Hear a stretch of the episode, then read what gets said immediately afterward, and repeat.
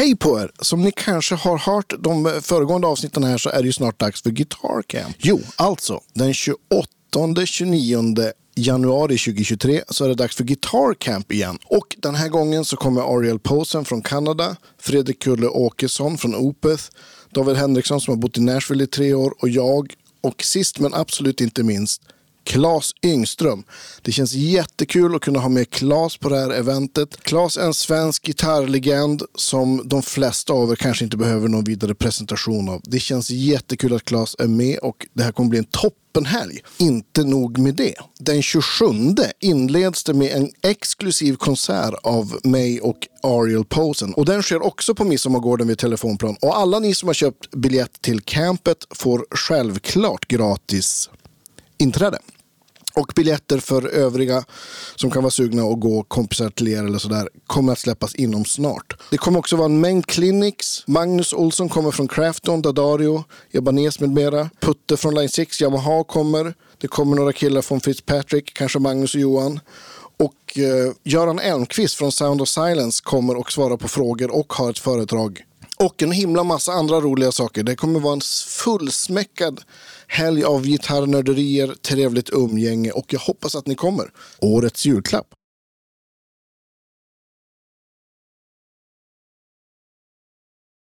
Och nu över till veckans avsnitt.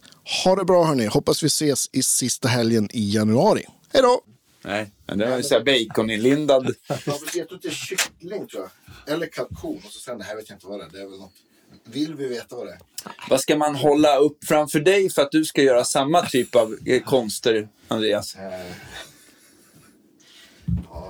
Vilken pedal? Är det en Demuram Tube Screamer jag- kanske? Mm. Jag tänkte, vad heter det, så här, Ja, för mig funkar det med så här, för mig funkar det med sura kolanappar. Då gör jag, Ja, gör jag helst. Ja, då gör jag många konster faktiskt. såg att du spelade Les Paul i helgen. Ja, jag har- hade min Les Paul. Han har inte ens testat. fortfarande bra i ryggen. I ryggen? Ja. Ja, jo, men den är, den är ganska lätt faktiskt. Den, Alltså, den har det. väger endast eh, 3,8 eller någonting Oj. sånt där. Så att den, var, den, är, den är schysst. Du ska få där och så så. Thank you. Man vill inte hälla upp det allra sista för då blir det lite, lite sumpigt. Jag har en sån där hemma. Annars är ja du vet. Jag har en sån där och sen har jag en för enkoppars. Ja, men jag har en sån också. det är, ja, men det är perfekt hemma. Ofta så brygger jag, men ibland så tycker jag fan lite mer must. Ja, det blir lite annorlunda, eller hur? Ja, ja. Det blir lite plattare med brygd, men det kanske beror på vilken bryggare man har. De här Moco Master är ju... Då blir det ju fint. Cheers Så. guys. Skål, ja, Cheers. skål, skål, skål. Ja, jag kör, annars hade man kunnat haft någonting i. Ja, Precis. Det, det kanske här. jag har. Du kanske får lämna ja, bilen. Precis. Ja. Man vet aldrig. Lämna bilen och stappla hem. Eller hur? Exakt. I den här halkiga snön. Eh, vad va, vad otroligt roligt och verkligen på tiden tycker jag. Ja, att vi har verkligen. denna legendar. Ja. Oh ja. Har ni börjat? Ja, vi, Vi, vi, jag- vi, jag vi klippa bort- ramlar in i våra det gör vi alltid.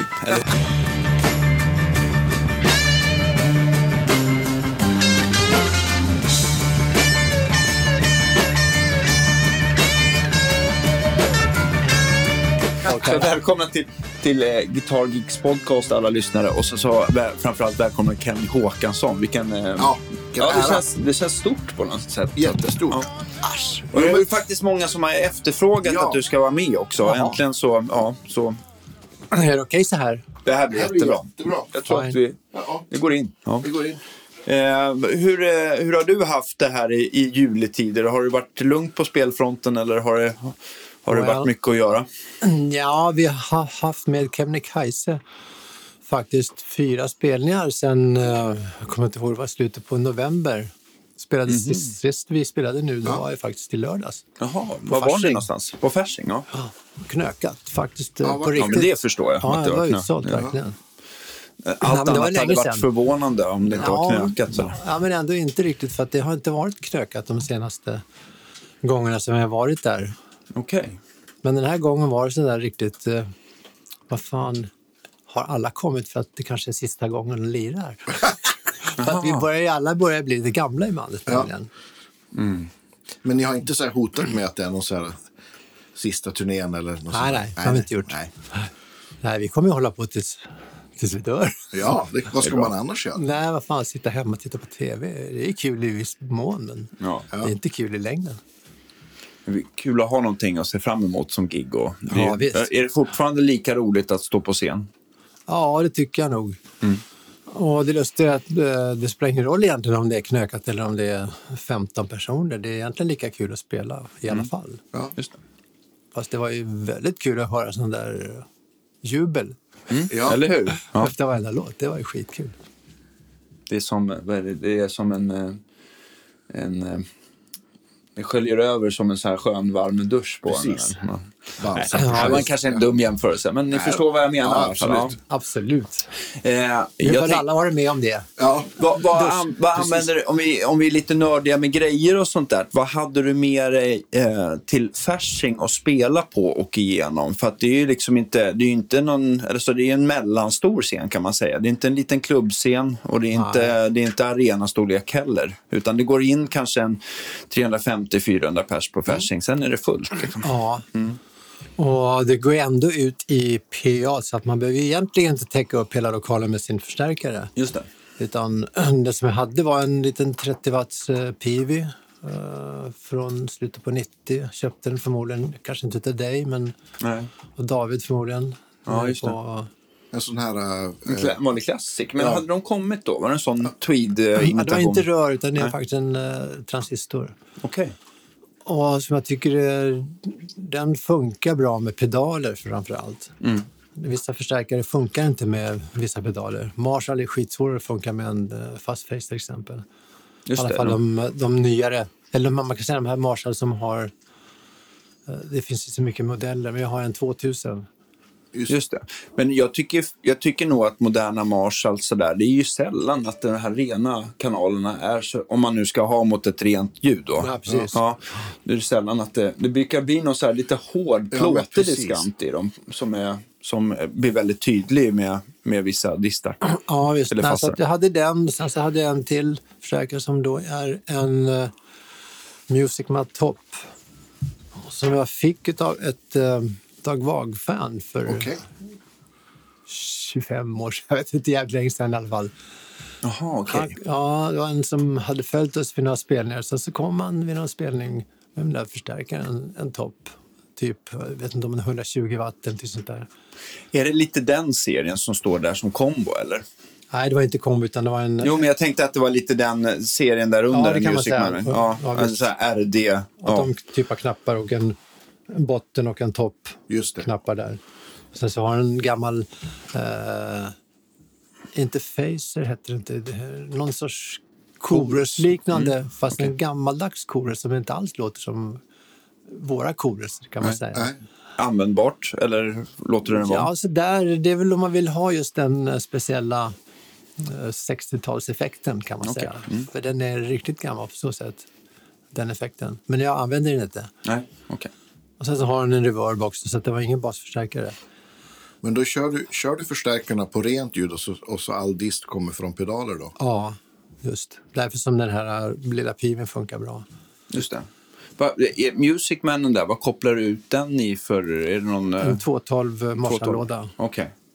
En eh, sån här som egentligen hade, tillhörde de här... De gjorde små... Inte så gång 50 watt förstärkare, kanske, kanske till och med bara 30. Okej. Jag tror de har två slutrör. Okej. Eh, Men de eh, är lite för svaga. De är 30 watt. Så är det just det. Jag Just hade det. det vid något tillfälle med Kebnekaise och det räckte inte till. Och, och, men de två tillsammans blir fylligt då tillräckligt Ja, helt visst. enkelt? Och nu mer alltså, som sagt, på, på Fasching så mickar de ju upp. Och det, han mickar upp bägge då.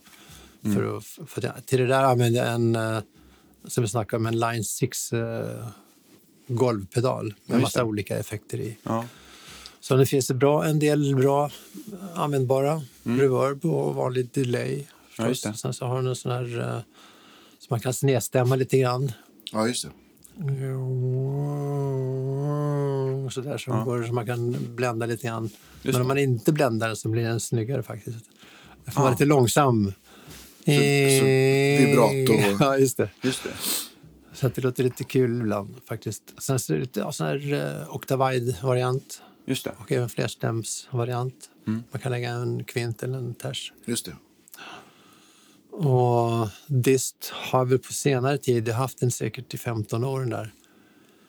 Jag har haft svårt med distarna i den här maskinen. Ja, Både okej. dist och eh, de här eh, förstärkarsimulatorerna. Som egentligen är, ja, möjligen om man sitter och spelar in på datorn. De blir lite platta va? Ja, ja. visst, det finns, ja, just platt kan man säga faktiskt. Mm. Vilken, vilken dist har du använt istället då, vid sidan av bordet? Ja, jag har en gammal TC som uh, visar sig funka bra. För den har ett lite gamla, äldre Just det. Så det blir inte det där, eh, vad kallar man det för, hårdrocksbotten. Nej, men jag har för mig att de... ja, Är det inte så att de är, de är väl samma eh, pedalstorlek som själva det här berömda koruset, ja. va? Ja, de gjorde väl en. Men Ja, hette de... de- inte typ Distortion Plus, precis som MXR? Ja, jag tror faktiskt Något det. sånt? Ja. Eller? Ja, man kan eh, switcha till eh, enbart eh, förstärkning, alltså till Just, line. ja, men, Ja, just det. Eller, äh, ja, just det. Boost- Distortion boost- Booster kanske. Ja, booster Nej, inte line boost. driver. Nej. Ja, det är en line driver åt ena hållet och eh, andra hållet så är det en eh. Heter den inte booster line driver till och med? Kan den heta? För man kan ju ha den uh, koppla in i line. Den har en line-signal om man vill. Ja. Okej. Om man eh, inte använder disten, distfunktionen. Och den disten är väl lite så här, har lite grövre tex, alltså här gammaldags textur också. Inte Ja. att den låter som en fuss, men att den är ganska, inte grovkorn. Nej, det kan man säga. Ja, den har även då till disten så har den ju även bas och diskant knappar Okej. som man inte bör använda för mycket kan man säga. Verkar som. de så här drastiska så att det... Ja, de, bara- ja, de är effektiva. Man hör att man rider på basen om man vill. Men då blir det, eh, det är bättre att ha det på förstärkaren känns det som. Just Ja, det. den är bra. Ja. Och sen så har jag en sån här eh, Björn Juhl Overdrive Manic. Jag kommer inte ihåg vad den här heter. De, Vet du vilken färg den har? Silverfärgad. Den är inte färgad alls egentligen. Silver. Mhm. Silverlåda. Alltså en sån omålad box. Ja, med det. Och sen så är den skriven med lite fyraåringsskrift. Ja, Ja, precis. Hans fru faktiskt, Ja. ja. brukar det vara. Ja, Men som, som, som målar med pensel. Så, där, så att Ja, det, det, just blir det. lite, det blir lite, de blir väldigt individuella. Har den, har den mer, mer drive än den äh, TC-pedalen? Ja, ja, den har en, man kan säga, modernare drive Ja, det. egentligen än vad TC-pedalen har. Undrar vilken modell det kan vara. Det låter ju inte som att det är en Silverby i alla fall. Nej, men jag tänker att det kanske är en Ja, men någon Red. sorts bi kanske det var. Ja, det faktiskt. kanske... Ja, okej. Okej, men den- har den fyra rattar eller tre? Låt mig tänka. Den har... Den har... eh, först har den volym. Sen har den lite overdrive. om Ja, man just säger det. Så. Sen Ja. så har den en bas och en diskant. Ja, men då kanske det är en Silverby. Ja. Du, inte, det du har inte haft den i all evighet i alla fall, eller? Nej, Nej. ungefär tre år. Ja, då, Ja, då, jag råkade då, det. låter, då låter det som att det skulle kunna vara en Silverby. Precis, Ja, ja. det tror jag också. Jag råkade på G den... kan inte sett ut sådär. Mm. Ja, nej, Men, eh, ja, men någon bi i alla fall. Ja. Ja, mm. Och den, och den har jag tyckt, den, den kan sätta färg på vilken förstärkare som helst. Den Den är har den jättebra. här, ja visst, den den har både, just det här att den har den här diskantknappen som gör att man får den här attacken som man gärna det. vill ha. Mm, just det. Ja, men det, Björn är ju bra på att bygga, bygga saker som funkar i, i nästan alla förstärkare och sätta filtrerna på rätt plats. Tycker Just jag. ja. Det är, ju- Ja, så den har förgyllt min tillvaro en hel del faktiskt. Och sen så en eh, liten eh, kompressor innan den. Vilken har du valt där då? En sån här liten smal rackare. Från Exotic kanske? SP, svartvit? Eller Ja, den, här, den här är nog uh, vaniljgul eller till och med ljusare än... Andreas, ja, nu men får du kan nog- briljera lite. SP-kompressorn gjorde de både, både svart och grå, alltså metall, och ja, men så här gul, gulvit.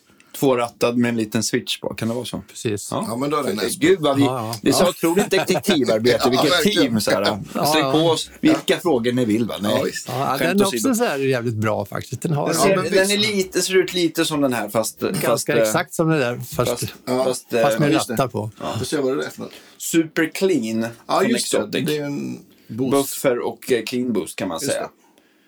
Däremot så är jag lite, jag har upptäckt en sak när det gäller boosters. Att Ja. Jag tycker att det är vissa så här när man, vet inte om det, de är säkert eh, linjära, alltså på, när man mäter på dem ut, så här, att de bara förstärker volymen. Men resultatet i stärken är det som att de låter som att de trycker mellanregistret Ja, just det. och blir hårda. Och det där har jag så jäkla svårt för. Och den här gör tyvärr så också. Och även den som heter Super Sweet. De, det känns inte som att, Nej, det, det. att volymen bara höjs, utan det känns Nej. som att, att det blir ett hårdare ljud. Det där får man nog testa utifrån vad man har förstärkt, tänker jag. Eh, och den som gör det bäst är fortfarande någonstans Baby Baby Pink. Fast jag tycker även Vertex har en boost som är gråfärgad. Den gör Just det fruktansvärt bra. Och sen så finns det säkert alltså, någon annan sån här uh, Granite Grey eh, från Band Control som, som de... Granite Grey färgar ju ljudet lite. Ja, men det gör även Baby Pink. Ja. Den lägger Fan vad till ni, lite. vad ni Vi- kan pedaler. Ja, vi är ju ett knäppa huvudet. Alltså, alltså eh, och, du har ju varit inne på Disco to Eleven någon gång. Vad kan det vara för butik? Ja, kan den precis. möjligen ligga på Kocksgatan? Ja, precis. Om man går ner i Andreas studio så ser det ungefär likadant ut skulle jag Alltså, säga. ja. Ja, nästan. Häftigt.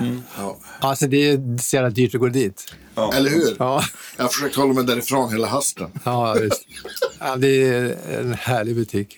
Sveriges bästa butik. Ja, det kanske finns likadana, vet inte. Ja. Men, Nej, men så att, det- så att det- vi, har- vi har, och jag hade som mest, eh, det har jag sagt i flera poddar förut, men jag, när- just angående Björn Hjulpedaler, när jag samlade på dem så hade jag 67 Ah, i, eh, olika modeller. Ja, det är... av hans pedaler? Av hans pedaler. Ja. Fan, du måste vara svinrik.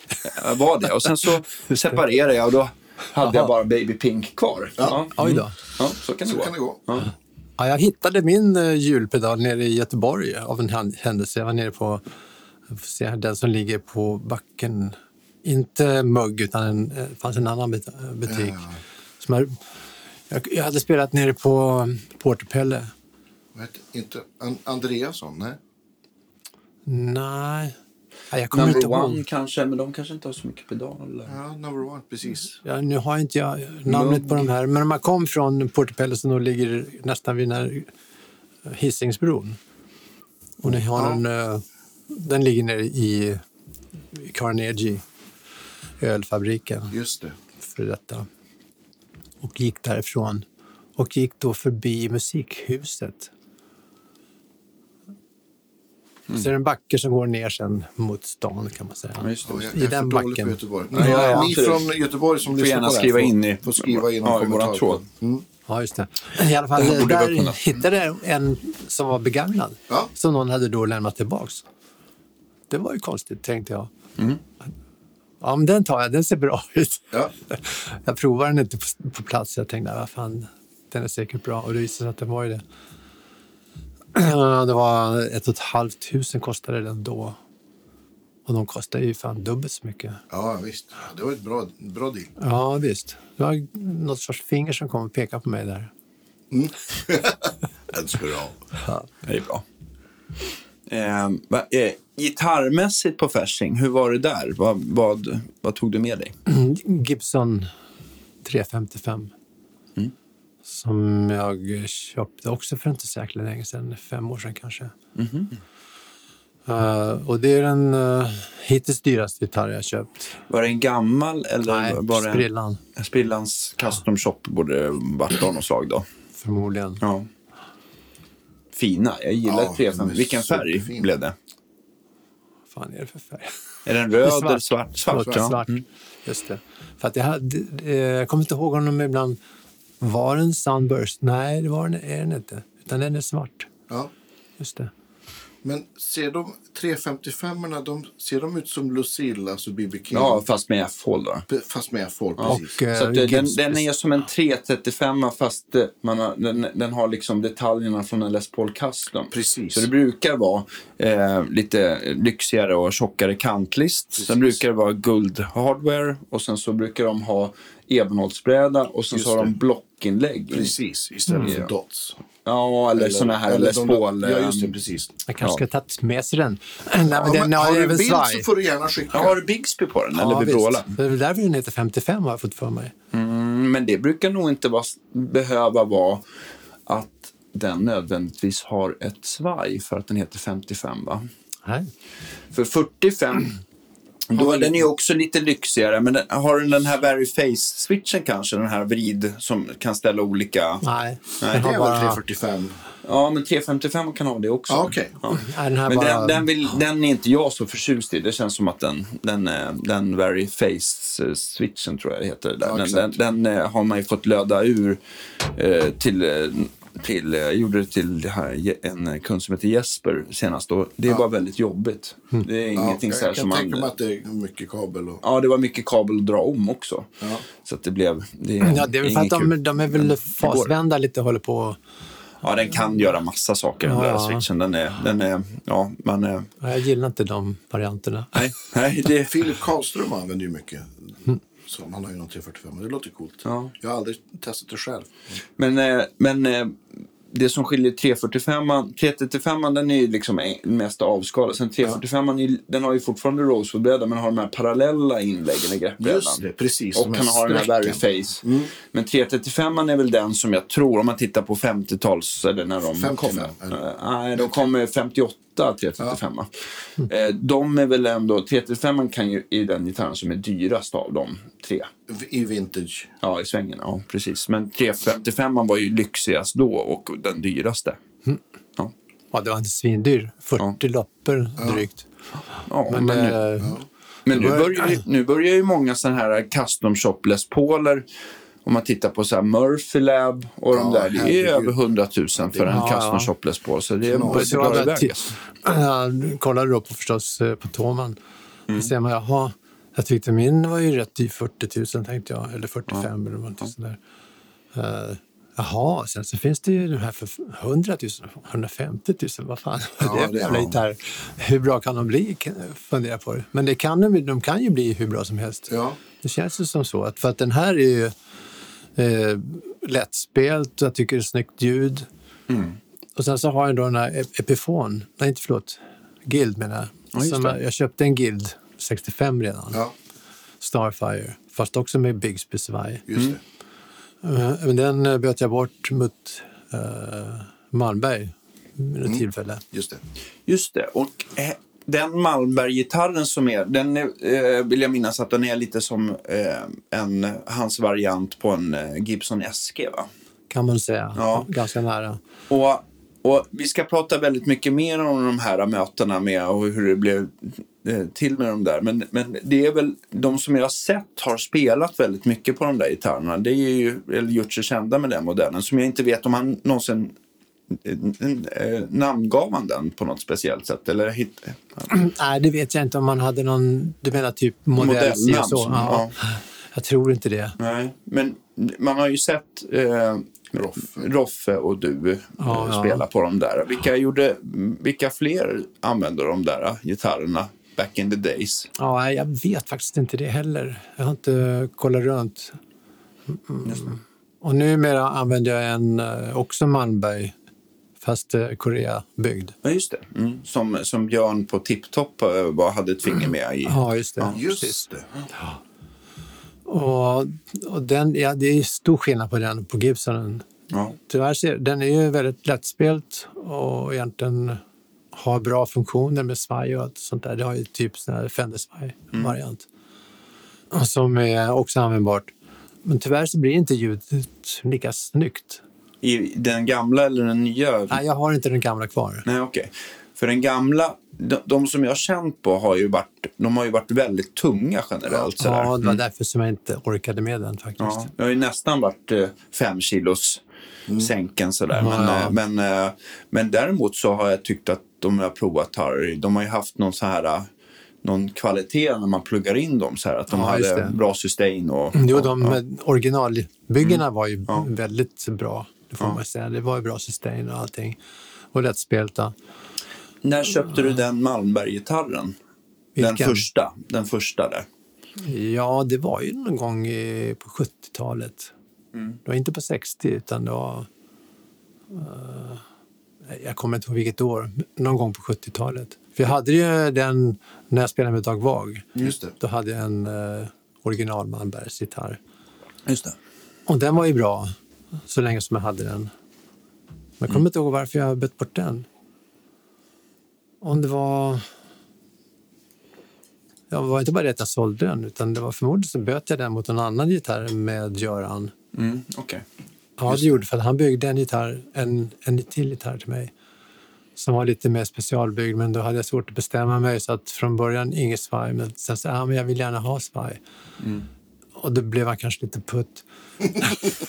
För att det är klart, då blir ju, får man bygga om på något sätt så att det inte blir snyggt kan man säga. Precis. Så, men den, också, den blev också för tung för min... Eh, jag har inte så kraftiga axlar. Var det en annan kroppsform? Eller annan? Och den var tjockare. Kan man Okej. säga. Den hade lite mer tjockhet på mitten. Men kroppsformen, var det Eske fortfarande? eller Ja, det var det. Ja. Ja. just. Och eh, jag sålde den sen genom uh, Guitar People. Mm. Mats. Och jag tror att det var... eh, Ryktet var att det var Roffe som köpte den. Mhm. Säkert. Eh, Mm. Jag tror i alla fall Roffe, nu var det länge sedan jag pratade med honom. Vi hade, gjorde ju en podcast Ja. med honom för länge sedan. Det är Ja. möjligt att vi kan, man till. kan gå tillbaka eller göra en till med honom. Men, ehm, men jag har för mig att han har de sparat. Ja, ja. Sen så tror jag Klärn hade några gamla också. För kan han hade väl lite inspiration Jag för vet inte att hur många han kan ha gjort egentligen. Nej, alltså det är ju också skandal kan man ju tycka att vi inte har tagit eh, tag i och intervjua Malmberg. Han, Ja. han ska ju fortfarande vara still going strong. Okej, sådär. ja, han är väldigt alltså faktiskt med, inte. med att, det- och jag vet att jag har fått numret av Roffe så att Ja. jag tror att det, men, Men, eh, jag kommer inte ihåg var han bor nu någonstans så att vi får väl åka Han bor ute i, i Västerled 47. Hmm. kanske man inte ska tala om- här. Men, men han är bortåt... Uh, fan heter den stadsdelen, stadsdelen bortanför Bromma? Låt mig tänka. Man åker mot uh, Drottningholm. Nej, inte Nej, Sundbyberg. men är det inte, är det inte liksom ännu längre ut med så här Upplandsbro eller någonting sånt där? Eller? Nej. Nej? Nej Man ja, åker förlåt. över uh, Tranebergsbron. Ja. Så kommer man till uh, gamla spårvägsstallarna där. Mm. Alvikshallen. Just det. Så kör man upp till vänster. Okej. Ah, det heter okej. kanske Alvik. Ja. Ja. Ja, det är inte långt bort. Ja, Nej, Men han är rörlig. ja, det tror jag. Han är, matsäck ja, men han är rörlig och eh, vital. Ja, men jag hörde att han Ja. var eh, extremt duktig styrkelyftare fortfarande. Va? Han har väl eh, vunnit VM i sin åldersklass ett Ja. par Oh, gånger. wow. Och då är det alltså i bänkpress. Ja. Ja. kan man Men säga. jag, jag tror att just när det gäller gitarr, vad jag har förstått så gitarrbyggeriet har legat nere sedan länge. Däremot. Ja. Ja. Ja. Sen jättelänge. Mm. Han eh, gick till lite annat, men det kan han få berätta själv. ja, absolut. Det, det får vi ta då. Men eh, vi har i alla fall, jag har i alla fall tänkt på Ja, det sådär. Så att det, det är ju toppen. mycket trevligt. Och Om vi backar så här ännu längre tillbaka i tiden. Hur är det, när, eh, vilket år ungefär eh, tog du upp gitarren för första gången? Eh, Jag eh, var väl cirka 14. Mm. Jag hade, vi, hade, vi fick en gitarr, eller min brorsa fick egentligen en gitarr från mormor. Som var en eh, gammal eh, akustisk gitarr med stålsträngar. Och som hade en spricka i fästet vid kroppen. Så att eh, den var väldigt hårdtryckt. Svår, den var svårspelad. Ja, ja. Så att det var nog eh, ungefär i 14-årsåldern som, eh, som jag på väg till skolan skulle gå... Efter en rast så halkade jag till och eh, fick en spricka i fotleden. Var tvungen att sitta gipsad hemma. Och brorsan hade beställt sån här eh, korrespondansbrev för gitarrkurs Ah. av en som heter Carl-Olof Finnberg, en gammal gitarrist från den tiden. Och de hade kommit hem till, för de kom annars normalt, ja de kom ju var 14 dagars mellanrum. Och alla de breven hade kommit när det här hände min fot. Så att jag hade alla dem hemma. Så att första låten jag fick lära mig då, det var Flickan i Havanna i D-dur. Ja. Bara två ackord, D och A7. Perfekt. Ganska lätta, lagom ackord att börja med. Just det. Och sen så betade jag igenom hela kursen. Och sen så vart det ju ganska trasiga fingertoppar. Det är sånt där man får lida sig igenom om, man ska, om det ska bli något kan man Ja. säga. Det avskräckte mig inte. Och sen så eh, 65 köpte jag då en guildgitarr, Starfire. Starfire, just det. För då hade jag börjat spela med uh, T-Bones som just då Göran Malmberg spelade bas där. Jaha.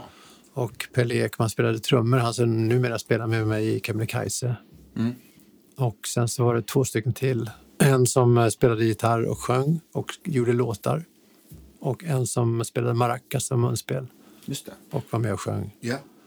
Var höll ni till någonstans? I hans garage på Västerled. Ja, okej.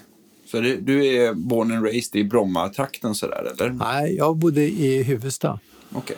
Och eh, han som var sångaren och, eh, ska inte säga initiativtagare var han inte för att det var väl tydligen Göran som startade T-Bones. De hade hetat någonting annat tidigare.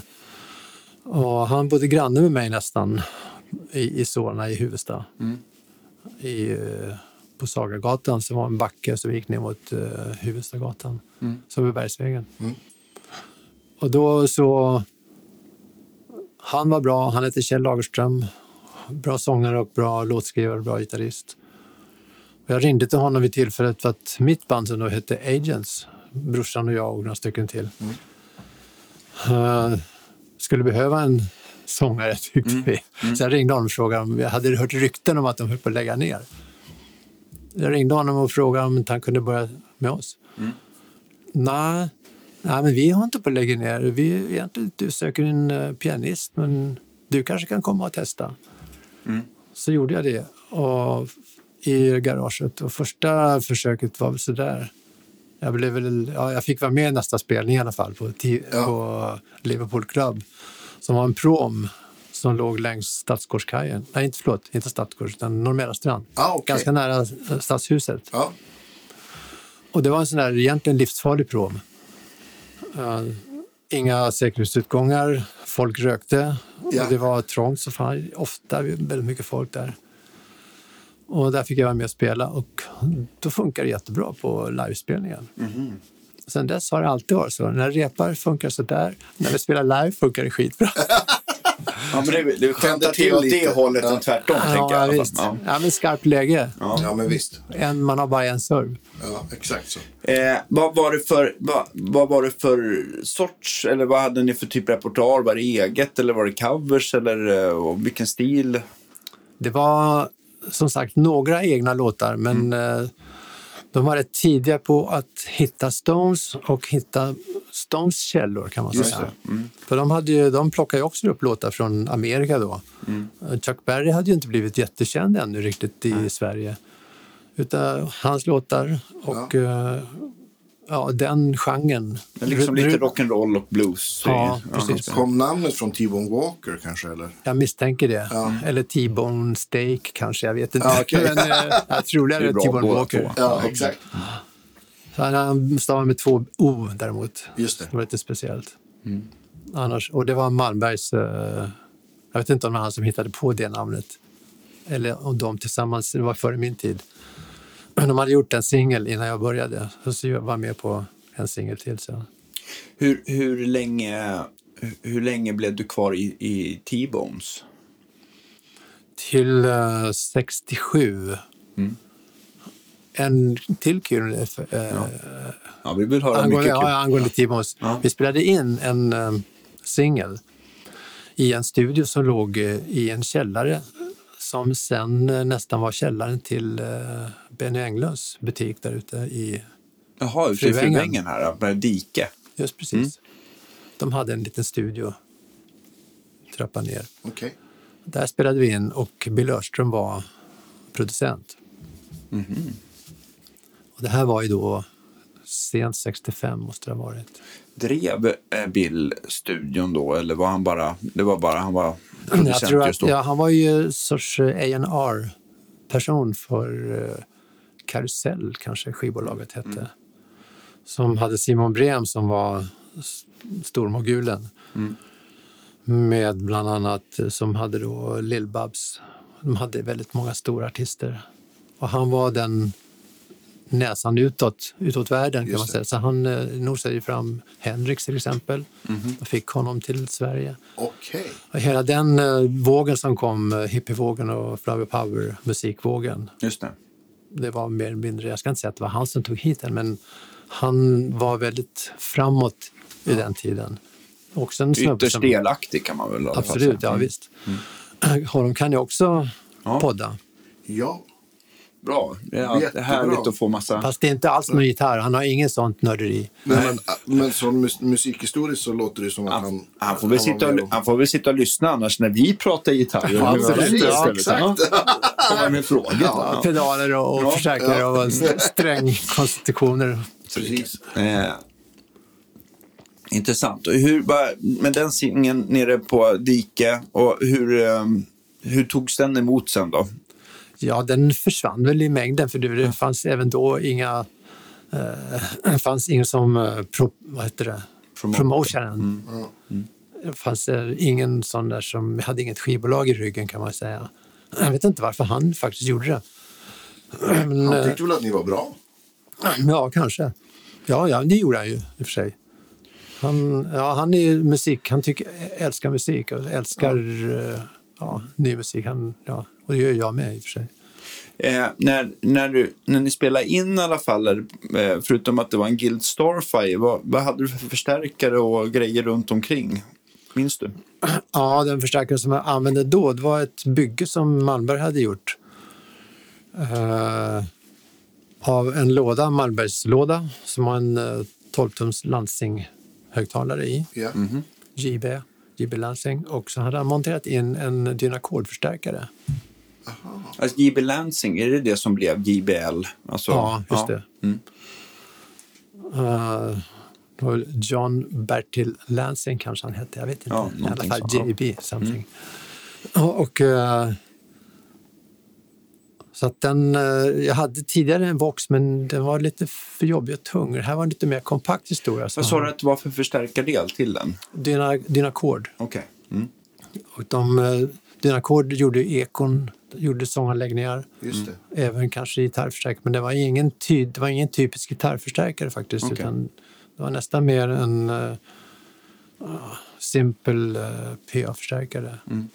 Kanske 20 eller 30 watt, någonting sånt där. Mm. Och det var ju bara rent ljud.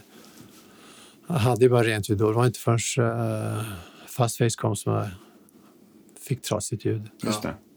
I och för sig, jag hade ett uh, Ecolette-eko som man, eh, om man överdrev, alltså om man hade Ja. starkt så att de här ögonen gick ihop, då blev det dist, Just det. eh, rördist. Sån hade jag innan. Blev man glad eller blev man rädd då? Man blev, åh, härligt. Det låter, det låter nästan som Eric Clapton. Ja, visst. Just. Vilka, om man tittar så här för egen, egen del, vilka, vilka gitarrförebilder fick du så här, i Ja, men- början där? Ja, den, Influencer? första, ja, just det. Den första influensen var ju Hank Marvin Ja. från Shadows. Och sen så var det en hel del andra sådana där band som fanns. Eh, både från Amerika och egentligen inte så mycket från... Ja, Sverige hade ju Spotniks som också var som jag tyckte om. För de tyckte också om det här med eko och sådana ljudeffekter. Ja, Fast det var ju extremt cleant. Just det. Men däremot Shadows hade inte så extremt cleant. Det var nästan på gränsen till lite dist faktiskt.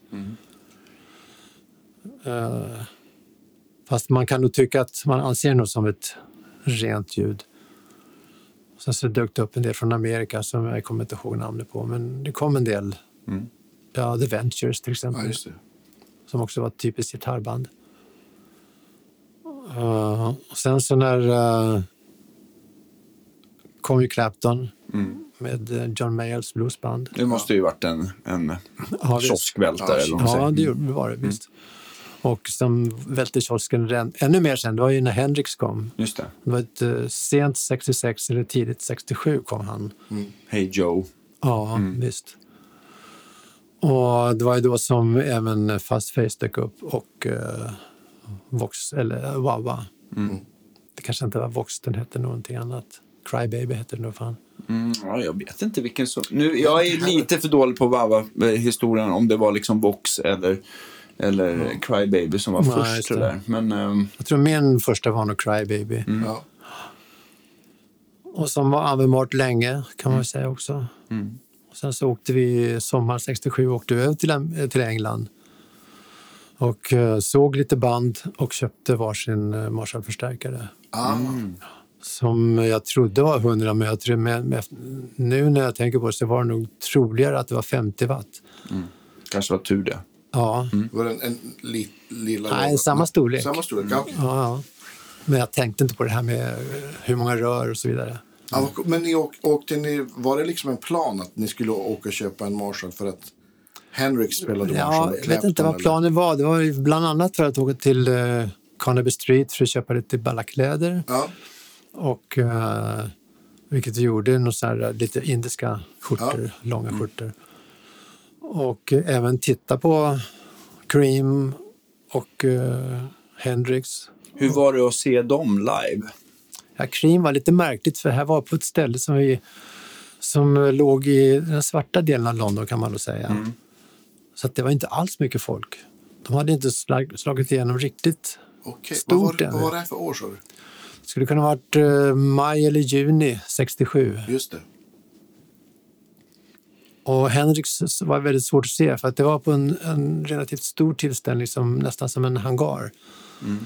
Som, eh, det var många band som spelade och sen så Hendrix var mot slutet. Bland annat var det Pink Floyd. Ja, Den gamla första upplagan av Ja, Pink visst. Floyd. Men eh, de var inte min värld då riktigt. Det var ju bara Hendrix jag var ute efter egentligen. Men det var så jäkla mycket folk så att det gick, och Pelle då. För att vi åkte över, eh, T-Bones åkte över kan man säga. Malmberg, eh, Pelle Ekman och jag och eh, Malmbergs tjej och min tjej. Så vi åkte fem stycken i en liten Volvo Duett. Sen så tältade man ute på Crystal Palace. De hade någon tältplats. ja. Härligt. Ja, det var faktiskt härligt. Och Sen så på Carnaby Street och alla klädbutiker nästan överallt spelar man Procol Harums White Shade of Pale. just det. Men och Hendrix i alla fall, när, eh, och Pelle hade trängt sig fram. Men han kom tillbaks till oss och stod där i bakre delen för att det gick inte att stå där och så hett och varmt och han höll på att få panik kan man Ja. säga. Det var mycket folk då misstänker jag. Ja, skitmycket folk. Ja, några tusen förmodligen. Mm. Och det låter ju inte mycket idag när man snackar 50 000 på Wembley och sånt där. Nej, precis.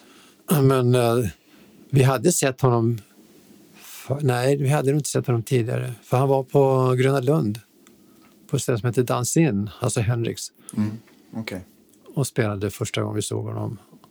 Och alltså, han, han var ju väldigt överväldigande kan man säga. Ja. Ha- Hans ton var snyggt och hans sätt att spela var snyggt och hans eh, performance, allting. Han var liksom en, en enhet som var jävligt stor och stark kan man säga. Men han var inte stor och stark i kroppen, men eh, hans, hans appearance liksom. var Ja, väldigt visst. starkt. Ja, visst. Så att vi, vid några tillfällen, jag såg nästan varje konsert som han gjorde i Sverige. Konserthuset och eh, Men Vissa får vara glada att de har sett Hendrix en gång. Ja, men visst. Ja. Ja. Men du har sett kanske uppåt tio då, eller? Nej, inte så många gånger var det inte. Det kanske bara var tre stycken, men det kändes som att det var mycket. Ja. Däremot så såg jag honom inte när han var på stora scenen på Gröna Lund. När strömmen gick. Eller slogs av. Mm. nej, just det. Ja, då var jag inte där. Det var, var det det som var hans sista gig nästan? 70?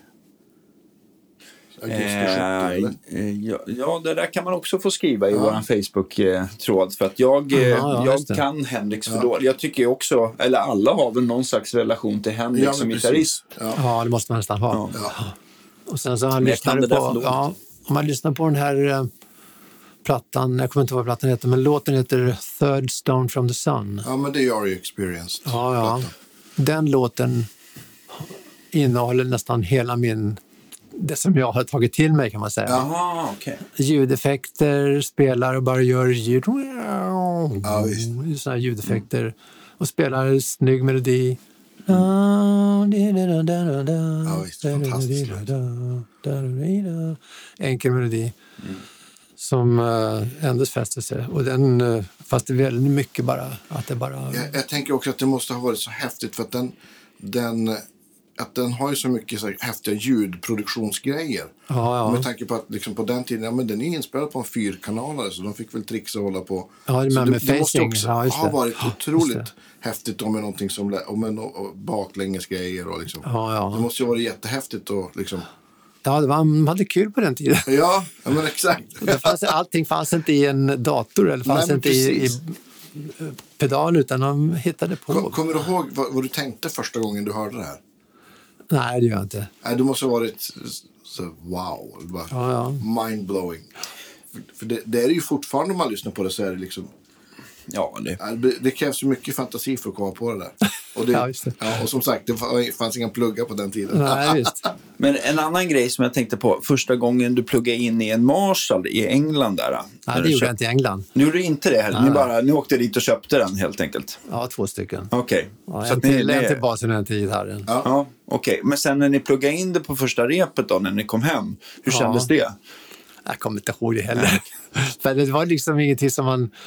Åh, det här måste jag komma ihåg. Nej, För nej. det, var, det var bara ett led i, i livet kan man säga. Ja, jag. Tiden gick och man lekte och tyckte att ja, kul. Ja. Ja. Men, men hade, det, hade du köpt någon, någon fast face innan du köpte Marshall-pedalen? Kom det så att Jag gick kommer inte ihåg det heller. Eh, Det måste jag nästan ha gjort, men jag, jag kommer inte ihåg det faktiskt. Men jag ha- hade nog det, för att vi åkte på lite spelningsturnéer med lilla Tibons då, som var efter att de här två, två originalsångaren och uh, Maracan, Maracamannen. Så, så det var bara tre, efter, och det var just 67. Efter att jag hade gjort lumpen, kommit tillbaka från lumpen. Så fortsatte vi som trio i ja, knappa året i och för sig. För att sen så blev det ju hösten 67 som jag sa upp mig på mitt jobb på Televerket. Och Pelle sa upp sig på sitt jobb på Danderyds sjukhus. Han var inte hjärnkirurg utan han, var, han gick omkring och sköt bårar kan man säga. Ja. Vaktmästare. Och vi slutade, men Göran Malmberg ville då inte sluta sitt jobb för att vi ville satsa på att bli heltidsmusiker. Så att det var då eh, som jag slutade min civila karriär, kan man säga, Just det. oktober 67. För då hade här Philips öppnat ett, eh, ett f- psykedelisk rockhak i Stockholm. Ja, vad coolt. Det som låg vid där som Galleria nu ligger, Okej. på Regeringsgatan. Mm. Och dit kom också Hendrix efter en spelning. Eh, vi hade spelat med T-Bones på Gyllene Cirkeln, ABF-huset Sveavägen. Och eh, han hade spelat någon annanstans. Och vi kom ner dit klockan ett, halv två. Och då satt han på den där lilla scenen som fanns i ena änden av lokalen. Okej. Och satt och spelade på bastrumma och eh, ja, satt med gitarren på, vid trumsetet. Okej. Och han hade en vanlig högersträngad gitarr. Fast han höll den på sitt sätt som han Mm, det. hålla i alla fall. Och spelade ett baskagge till. Och vi tyckte det var häftigt som fan förstås. Ja. Och såg ut som en jätte. Mm. Men han var ju ingen jätte egentligen. Och sånt där kunde man uppleva då på den tiden, Mm. 67. Hisnande. Jag vet inte vem man ska jämföra med idag, men Nej. som eh, man skulle tycka var lika stor. Nej, det är ju svårt kanske. Ja, ja, och då hade vi ju då hade vi spelat på det här stället med T-Bones ett par gånger. Ja. Och sen så då, i och med att uh, Göran inte ville fortsätta så hittade Bill Örström, han kände till en basist som han uh, föste ihop oss med. Och vår första spelning kallas för Bass Happening. För att vi hade inga låtar, men vi spelade i alla fall. Ja. det kunde man också göra på ett sånt där ställe. Okej, så det, var, det, var, det blev ett jam helt enkelt. Ja. Ett lyckat jam. Ett jam på eh, två gånger en timme ungefär. Ja. No problems. Perfekt. Och då hade vi ändå inte börjat röka brass kan man också säga. Jag hade inte kommit in i bilden ännu. Nej. Men, men, och, så det blev liksom, det gigget var liksom provspelningar så att säga. Sätt och vis. Ja. Och det var, vad vad- vad döpte ni till för det Eh, ja, även där fick vi via Bill Örström Baby Grandmothers. Och vi spelar faktiskt fortfarande ibland. Ja. Vi ska spela i eh, februari ute i Huddinge Ja. Okej. och eh, fjärde mars nere i Eskilstuna. Ja. när, är, när är februari? 18 har jag för mig att det Ja. var. Får ni kolla in. ja, visst. I eh, Folkes heter stället som ligger i Huddinge centrum. Det är Anders Karlsmark som eh, är med och bokar de ställena, det stället. Han som var med i eh, Kommando MPEG när det fanns. Det kanske också är före er tid. Ja, Det, ja, punkttiden. Ja, alltså jag är ju född 79. Och, jag är 77. Så. 77, Ja, då hann inte ni med det. Nej, jag hann inte riktigt med punken. Ja, just det, för att det började ju då faktiskt. Jag började Ja, Dag det Vag var ju 79. typ då. Ja. Så att eh, punkeran började väl sent 70, en bit in på 80. Ja. Just det.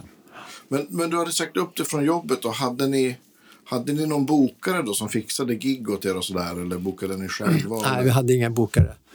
Vi hade inte många gig heller för den delen. Vi spelade ganska mycket på Philips. Ja. Hur, hur överlevde ni då? För att pengarna måste väl ändå komma in på ett eller annat sätt om man säger Jo, upp sig. Ja, vi hade fortfarande inte flyttat hemifrån egentligen. Så att vi bodde ju fortfarande hemma hos eh, våra föräldrar. Så, och där betalade vi ingen hyra. Nej. Och, och det, vårt gage då, det var nog fasen 500 spänn per kväll. Det var nog inte 1500, men då, och så gjorde vi två eller tre gånger i veckan.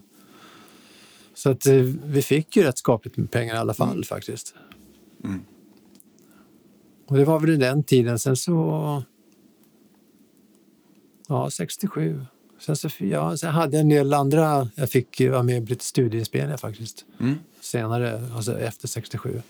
Vi- Vilken, var det en, en och samma studio eller frilansade du runt? Eller? Nej, oftast var det metronom. Ja. Anders Burman. Ja. Okej. Vilka, vilka, kommer du ihåg vilka artister du fick eh, spela in för? Och sådär? Ja, Pugh Rogefeldt och uh, Bernt Staff. Uh, Björn Nilsson Lind. Ja. Eh, kan ha varit några till då som var mera... Jag tycker jag har en aning om att jag var, jag var inte med på Hej mitt vinterland, da, da, di, da. Men någonting åt det hållet. Ja, ja, okej. Några stycken uh, schlagerinspelningar. Det fanns inte så många elgitarrister då nämligen. Okej. Mm. Jag var inte ensam här på täppan, men Janne Schaffer hade ju också, han var ju också Just det. Mer anlitad än vad jag var. Just det. Var ni goda vänner du och Schaffer? Eller hur? Nej, inte direkt. Vi, vi var inte ovänner, men vi eh, var från olika håll kan man säga. Och även eh, Jojje Ja, just det. Wallenius. Mm. Som också fanns. Eh, Jag tror inte att de hade startat Medspelen ännu. Men de fanns ju. Sen så fanns det ett gäng popband kan man säga. Som eh, vi... Nej, T-Bones var väl ett av de få bluesband-baserade banden egentligen. Okej. Mm. Vi var tidiga med att snappa upp Hendrix också. dessutom. Så vi fick ju några spelningar, men jag vet inte vem det var. Om det var Pelle som var aktiv eller om det var Malmberg som var aktiv. Finns det några inspelningar mer än den här singeln ni gjorde? Nej, nej, nej. ingenting som... eh, Nej, det var väldigt svårt att hitta något. Ja, Baby Grandmothers finns i och för sig på eh, en CD som Stefan Keri, eh, Subliminal Sounds, gav ut 09. Finns, finns något av det här på digitala plattformar eller får man eh, åka in och rota bland skivbackarna i stan? Nej, det finns digitalt.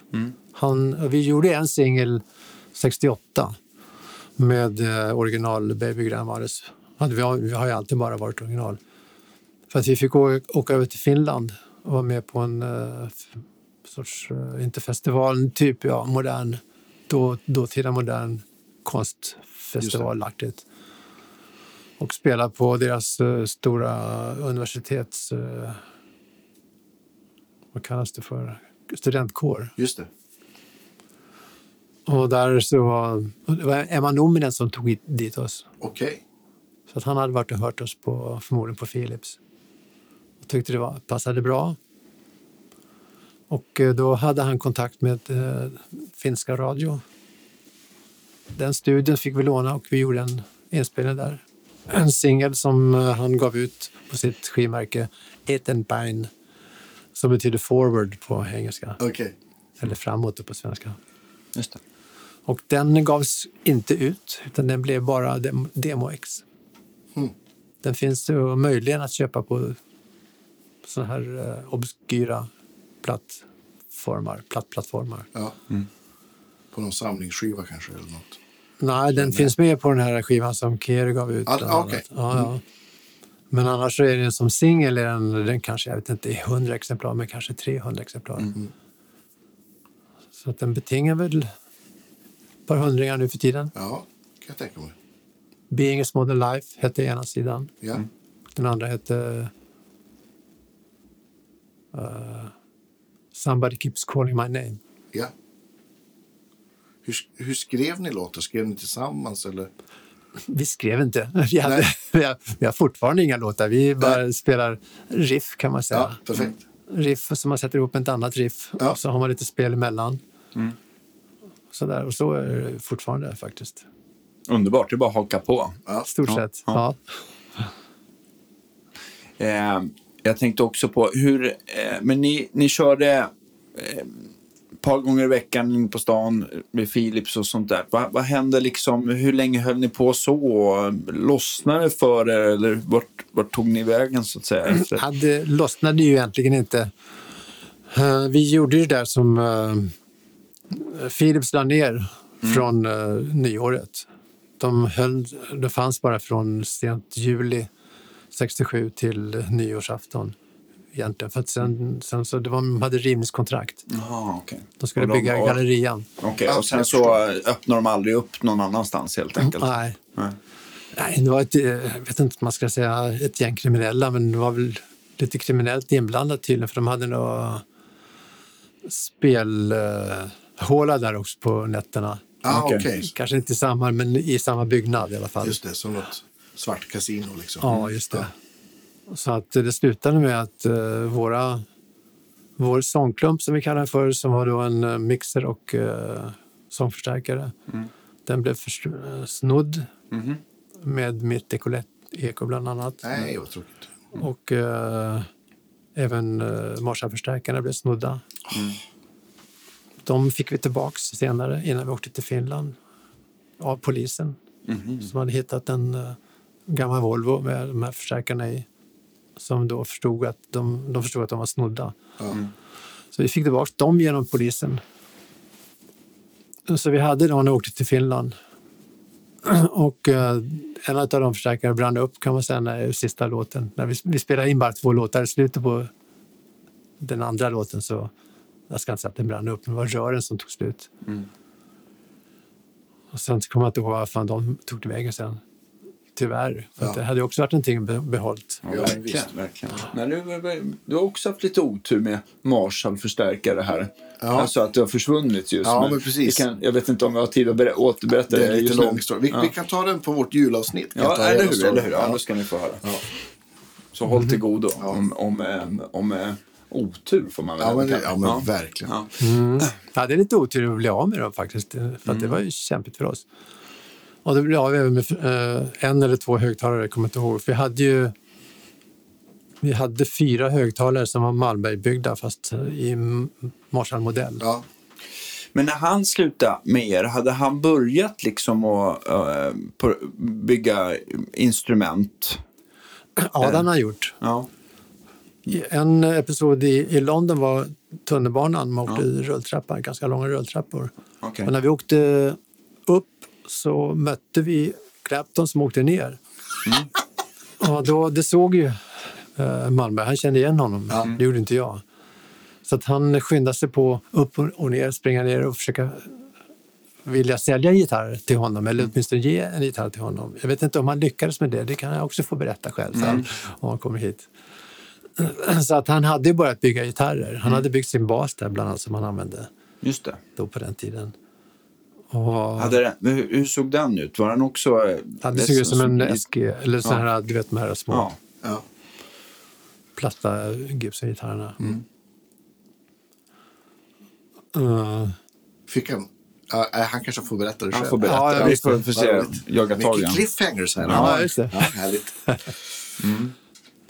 Men alltså, det, alltså jag, det, jag har tänkt det så många gånger. Jag tror till och med någon har frågat någon, ja, men om du fick åka tidsmaskin, vart skulle du åka då? då ja, men, det har alltid varit så ja, men London så här 67, 68 så här. ja, det hände skitmycket då. Ja, Alla de här banden som alltså. sen blev stora, Ja, som man inte trodde, man visste inte det. Vilket band som helst kunde bli stort. Mm. Henrik skulle...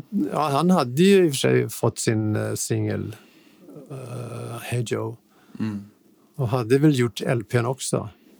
Just det. Ja, de höll väl på. Ja, ja. Var du eh, inne på Beatles eller Stones någonting under den perioden? Jag tyckte om bägge faktiskt. Jag tyckte uh, Beatles sjöng ju snyggare. Just det. Men Stones var lite, ja, lite ballare på något sätt. Han du se dem live då?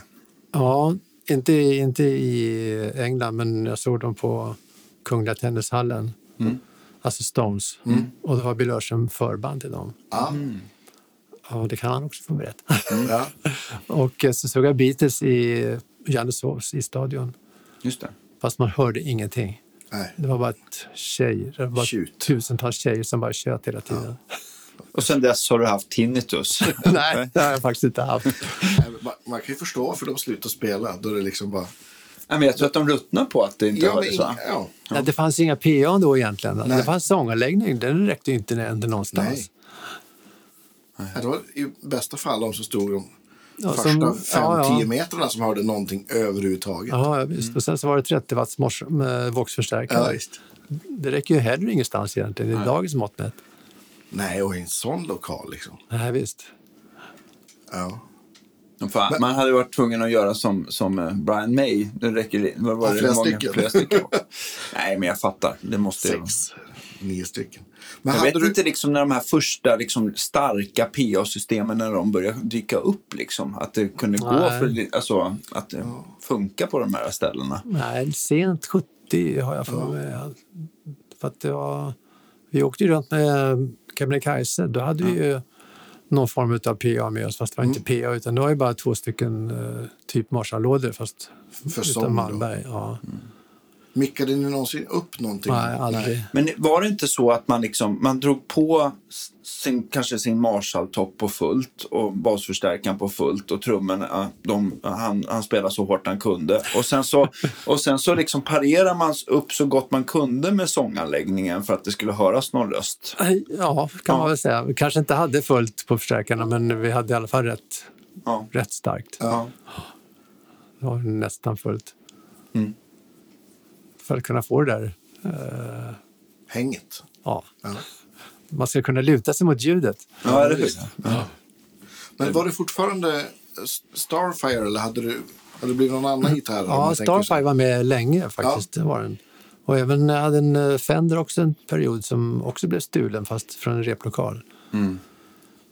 Eh, Och sen dess så lämnade man ju inte någonting på replokaler. Nej. Och blev även av med en uh, Wawa-pedal nere på en spelning i Göteborg. Mm. Som förband till Trogs faktiskt. Eh, och sen dess så lämnade jag heller aldrig någonting på scenkanten. Nej. Ens en gång i paustiden. Man säger. Nej, men visst. Flytta alltid in, lägger det i förstärkaren eller stoppar det i fickan.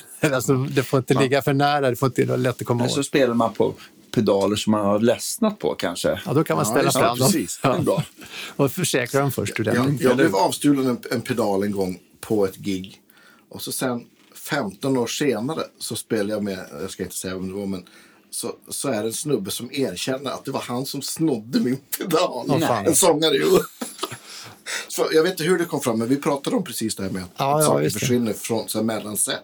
Ja, visst. Han bara, det var jag som snodde din Arion-stämapparat. Ja, jag har skämt sen dess. ja.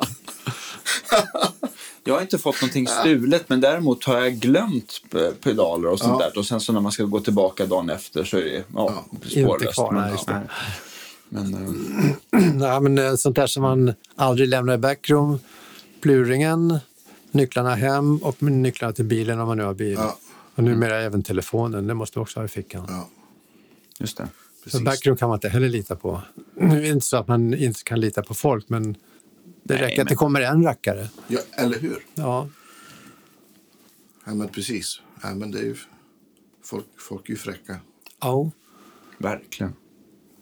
och det är inte alla då, utan... Nej, Nej, men det kommer, det kommer nog alltid finnas den typen. av- Ja, precis. det det. Ja, men det vet jag. Sebbe som har Discus 11 blev jag med en jättedyr gitarr i höstas. Ja, ja. Någon som bara hade liksom, gick ut med gitarren. Han har ju kameraövervakning och allting, men det är ju så här, Det är ingen som visste om det var. Nej, visst. Så Jag tror att han hittade gärna på någon rysk Men, men, men, så där, men, men så där var det på, jag kommer ihåg på Deluxe, där, där, eh, där löste vi faktiskt några brott när vi hade, fick eh, videoinspelningar Okej. på att eh, gitarrer blev stulna sådär. Folk som kom in med gigbag då eller? Ja, alltså en, en gång var det en, en, en, en person som, eh, som gick in. Han hade, det var väl så här, så här års att man hade långa vinterrocken. Ja, ah, jag fattar. Så att han, hade, han stack ner, jag tror att det var någon Fender-liknande gitarr.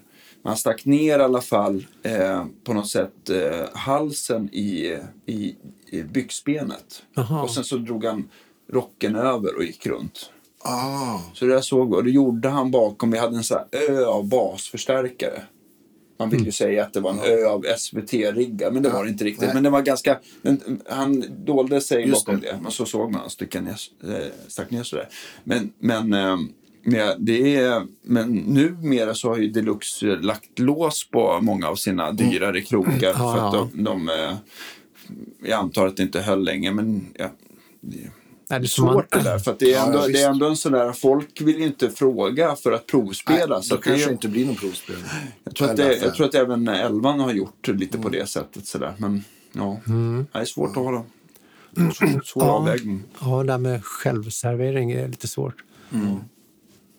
Så var det ju inte heller. Det var ju, jag kommer inte ihåg när de här, att man gick in och plockade själv. Nej, Sådana butiker. Inte bara i gitarr utan även i matbutiker. Just det.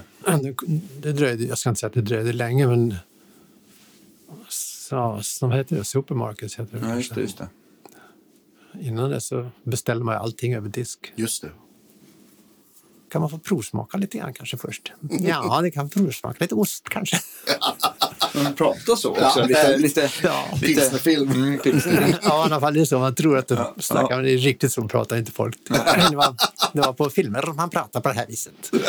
Ja, man- det skulle vara så. Ja, ja. Övertydligt och artikulerat. Va- Vad hände sen då? Om man tänker så här, början 70-talet sådär. Ja, men det måste, jag tänkte, jag tänkte Kebnekaise måste ju startat Ja, men där precis. någonstans va? Ja, för att eh, 68 så kom vi, eh, så fick vi tack vare att vi var i Finland där och spelade in singeln, Emma Nominen, så skulle de göra en, en sommarturné som vi fick vara med på då. Och då hade vi under vårens lopp hade vi träffat Mecke i Bodemark. Så vi hade dragit igång Mecke Markman Just det. och det var, han hade ett band som hette Mecke Markman innan, redan 67. Men vi hade då vårt babygrammar, så vi spelade, båda vi spelade på Philips. Och han sjöng som, man kan säga, hans sångförebild var ju Hendrix. Han sjöng väldigt mycket likt som Hendrix gjorde. Och skrev låtar som var lite likt också. Men han spelade orgel. Så vi slog oss samman och gjorde lite spelningar i Stockholm. Sen så hade vi fått den här turnén i Finland under namnet Baby Grammar så att vi gjorde det tillsammans med Mecki. Och så var det en eh, finsk sångerska som hette Anke Lindqvist som uh, hade, sjöng då med dansband så att vi åkte runt till folkparker. Dansmusik. Sen så blev det kvällens elva gäst. Då spelade vi och lite annan uppträdande på scenen, showscenen. Och sen så fortsatte dansen efter det. Och en månad skulle vi vara ute. Det blev bara en vecka. För sen så blev vi påkomna med lite olagliga Substanser. i fickorna, eller i väskorna snarare. Ah, okej. Men, men hur, då måste ju någon nästan ha tipsat polisen eller något, tänker jag. Nej, det var Eller? en olyckshändelse. Ah, okej. Vi var och repade på ett, eh, ungefär som ett musikhus, ett all, allkonsthus i centrala Helsingfors. Och vi, hade våra, vi skulle åka vidare på turné sen. Och vi hade vårt bagage vid entrén där nere kan man säga.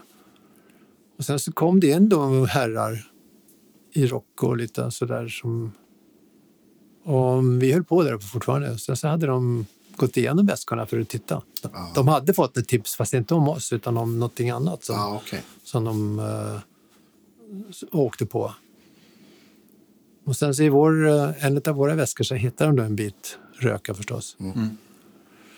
Så att, och den var inte jättemycket, men det var väl så mycket som de hade inte hittat lika mycket förut. Det var ungefär 20 gram, någonting sånt där. Eh, så att vi blev häktade och fick sitta i häktet en vecka. Sen så blev vi deporterade. Ah, shit. Finskt häkte. Ja, Ja. första natten, nätterna, så fick vi bo en och en. Eh, andra eller tredje natten och fram till dess domen hade fallit så fick vi bo två och två. Och sista natten efter att domen var given så fick vi bo alla samma, i samma cell, alla, alla fyra. För det var ju häkte. Vad var inte- värst? Själv? Par? Eller annars? Nej. Egentligen inte. Jag bekymrade mig aldrig om någonting då faktiskt. Jag var inte bekymrad. Och domen blev då tusen mark. Alltså tillsammans, inte var, inte var utan tusen mark. Så det är ganska mycket pengar då. Alltså. Ja, de var värda ungefär tre kronor styck. Ja. 3000 spänn då kan man säga. Och eh, fem års utvisning. Men vi åkte nog tillbaks innan den tiden var över faktiskt. Tror jag. Och det blev sen Mackie Markman som sen fick göra både det ena och det andra. Vi var med på eh, svenska uppsättningen av Hår, alltså Hair. Just det. When the moon is in the seventh house och så vidare. Och efter det så fick vi vara med på en föreställning på Operan, riktiga Stora Kungliga Operan. Mm. Också ett modernt stycke. Som eh, med, eh, vi stod på stora kuber som var på scenen. De hade gjort fyra eller fem stora kuber. Vi stod på en, slagverkaren stod på en annan, ytterligare en slagverkare stod på en tredje. Sen så var det en stor orkester och 15 kör och massa solister. Eller det var stor kör, jag vet inte. Det var 15 solister. Men det var en stor föreställning som var märklig. Men det var, och den sattes upp då, men inte igen. Det var så här uh, engångs... Alltså den, det var ju kanske 20 föreställningar i och för sig. Men där kunde vi stå och spela vår musik stort sett. Vi hade ju på noter så att vi kunde ju, men det var inte något krångligt. Eh, Vi klarade av att spela det. Och efter det så fick vi åka på turné till Amerika. Okej. Med samma grej eller? Nej, Nej. med Mackie Markman. Just det. Vi släppte ut, Mackie hade släppt ut en platta innan vi eh, slog oss ihop. Och den eh, blev eh, köpt av ett amerikanskt bolag som heter Mercury. Mm, just det. Och eh, vi fick eh, vår nästa platta som hette Running in the Summer Night. Gav, gav, gavs också ut av Mercury. Och vilket gjorde att vi fick åka dit och spela. Tre månader. Hur gick den turnén? Sådär. Alltså vi, eh, vi var ju inte mogna kan man säga på något sätt egentligen. Men eh, vi var i alla fall fulla av entusiasm och spelglädje. Men det var en eh, spännande turné. Alltså, när vi åkte från Stockholm kan man säga så hade vi blivit lovade ungefär 15 spelningar på stora eh, evenemang. Och när vi kom fram kan man säga så blev det bara, det, där det var bara tre stycken sådana på stadiums som, som förband till någon, något stort band. Vi var förband till The Birds Ja. vid ett tillfälle. Alltså förband till förband till The Birds. Och sen så var det bland annat ett annat ett stadium nere i Florida som vi var förband till en jävla massa band. Som sen hade Sly and the Family Stone som stora akten. Ja, coolt. Och det var på ett stadion som sagt så att vi började spela vid ett-tiden på, mitt på dagen. Och de spelade kanske ett, två på natten. Jaha, så Det var det mycket hade band. liksom inte ramlat in så mycket folk så tidigt, eller? Nej, det kan man väl inte säga. Även de här eh, Grand Funk, de hette Ja, Grand, Grand Funk Railroad. Ja, visst. de var trio då. Ja. Och de spelade, de spelade det starkaste jag har hört då. Ja. Så att eh, på ett stadion, man tänker sig eh, Råsunda-stadion, om du kommer ihåg hur det såg ut. Långsida, Just det. långsida. Vi satt på den långsidan och de spelade ungefär på den. De var tvungna att sitta och hålla för rörerna. Oj. Jag var ännu inte riktigt van vid sånt där ljud kanske man kan säga. Nej. För det var jävligt starkt. Och det var inte heller... Jo, det fanns nog peon då i och för sig. Ja. Man har kommit med mastodont eller med riktiga PA som skulle räcka. Precis, men då var det väl också att man, man fick upp volymen mycket av, inte bara att det liksom var, det, förstärkarna var väl inte så starka utan det var väl mycket att man tog sådana hornhögtalare istället. Ja. Och de, Kanske, de, ja. Jag har för mig att de sådana här kompressionsdriver, de ökar ju disten med, med rätt mycket så att det blir ett sånt här ganska skärande. Precis. Och lyssnar man på ett sånt PA idag så fattar man ju inte hur folk riktigt stod ut. Men Nej, visst. det är obehagligt nästan liksom, Ja, hur, ja. det, hur det distar på ett... eh, ja. Ja, James Brown var ju här och spelade i Konserthuset. Det måste också varit någonstans i mitten på 60. Han hade just gjort den här eh, It's a man's man's world. Ja, det. Och de var och spelade på Konserthuset. Då var det bara såna här, ett horn på varje sida. Och det var ju en... De mickade inte upp så mycket, men det var såna här fiolspelare som satt och knäppte på strängarna och höll på. Ja. En kvartett. Annars var det ju vanliga elbas och elgitarr och trummor och sånt där. Men det var jävligt lite mickat. Nej. Så, för det var ingen PA då heller. Ja, det. Men eh, det var ingen som... Man tyckte att det var lät bra i alla fall. Ja, man visste ju inget annat. Nej, visst. Antagligen så lät det väl bättre då, fast det låter starkare idag. Ja. Men jag kan tänka mig om man har sån, om, om artisten är liksom James Brown eller vem det nu än är som, som sjunger så var det ju förmodligen så anpassade man väl allting efter så att sången skulle höras. Ja, ja.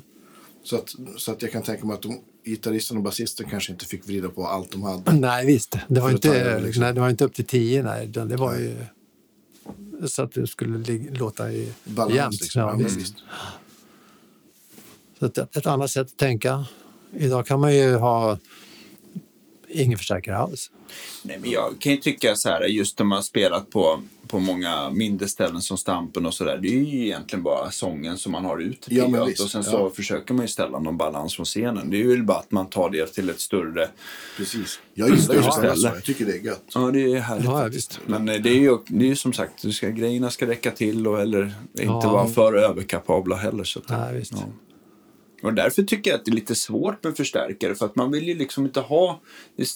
Nu finns det ju förstärkare som låter bra på många olika typer av scener men en där det passar på en liten klubb då nästan, har man den på en utomhusscen så bara försvinner ljudet. Så att, eh, Ja, visst. Man vill ju ha lite olika typer av stöd. Liksom. Man ska ha ett gäng förstärkare helt enkelt. Ja, men jag tycker det faktiskt. det är nästan ja. svårt att eh, hitta en stärkare som blir eh, optimal Nej, visst. Ja. till alla lägen. Nej, eh, ändå den här lilla pimen funkar ju faktiskt.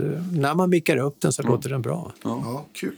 Och tack vare jul så låter det Ja. ja. bra. Ja, jag förstår. Ja, men, men jag tycker att eh, den här, um, för att återgå till ljuspedaler, det är ju sällan det är den här överdrivna diskanten i dem som kanske kan vara lite påträngande. Så att, Precis. Mm.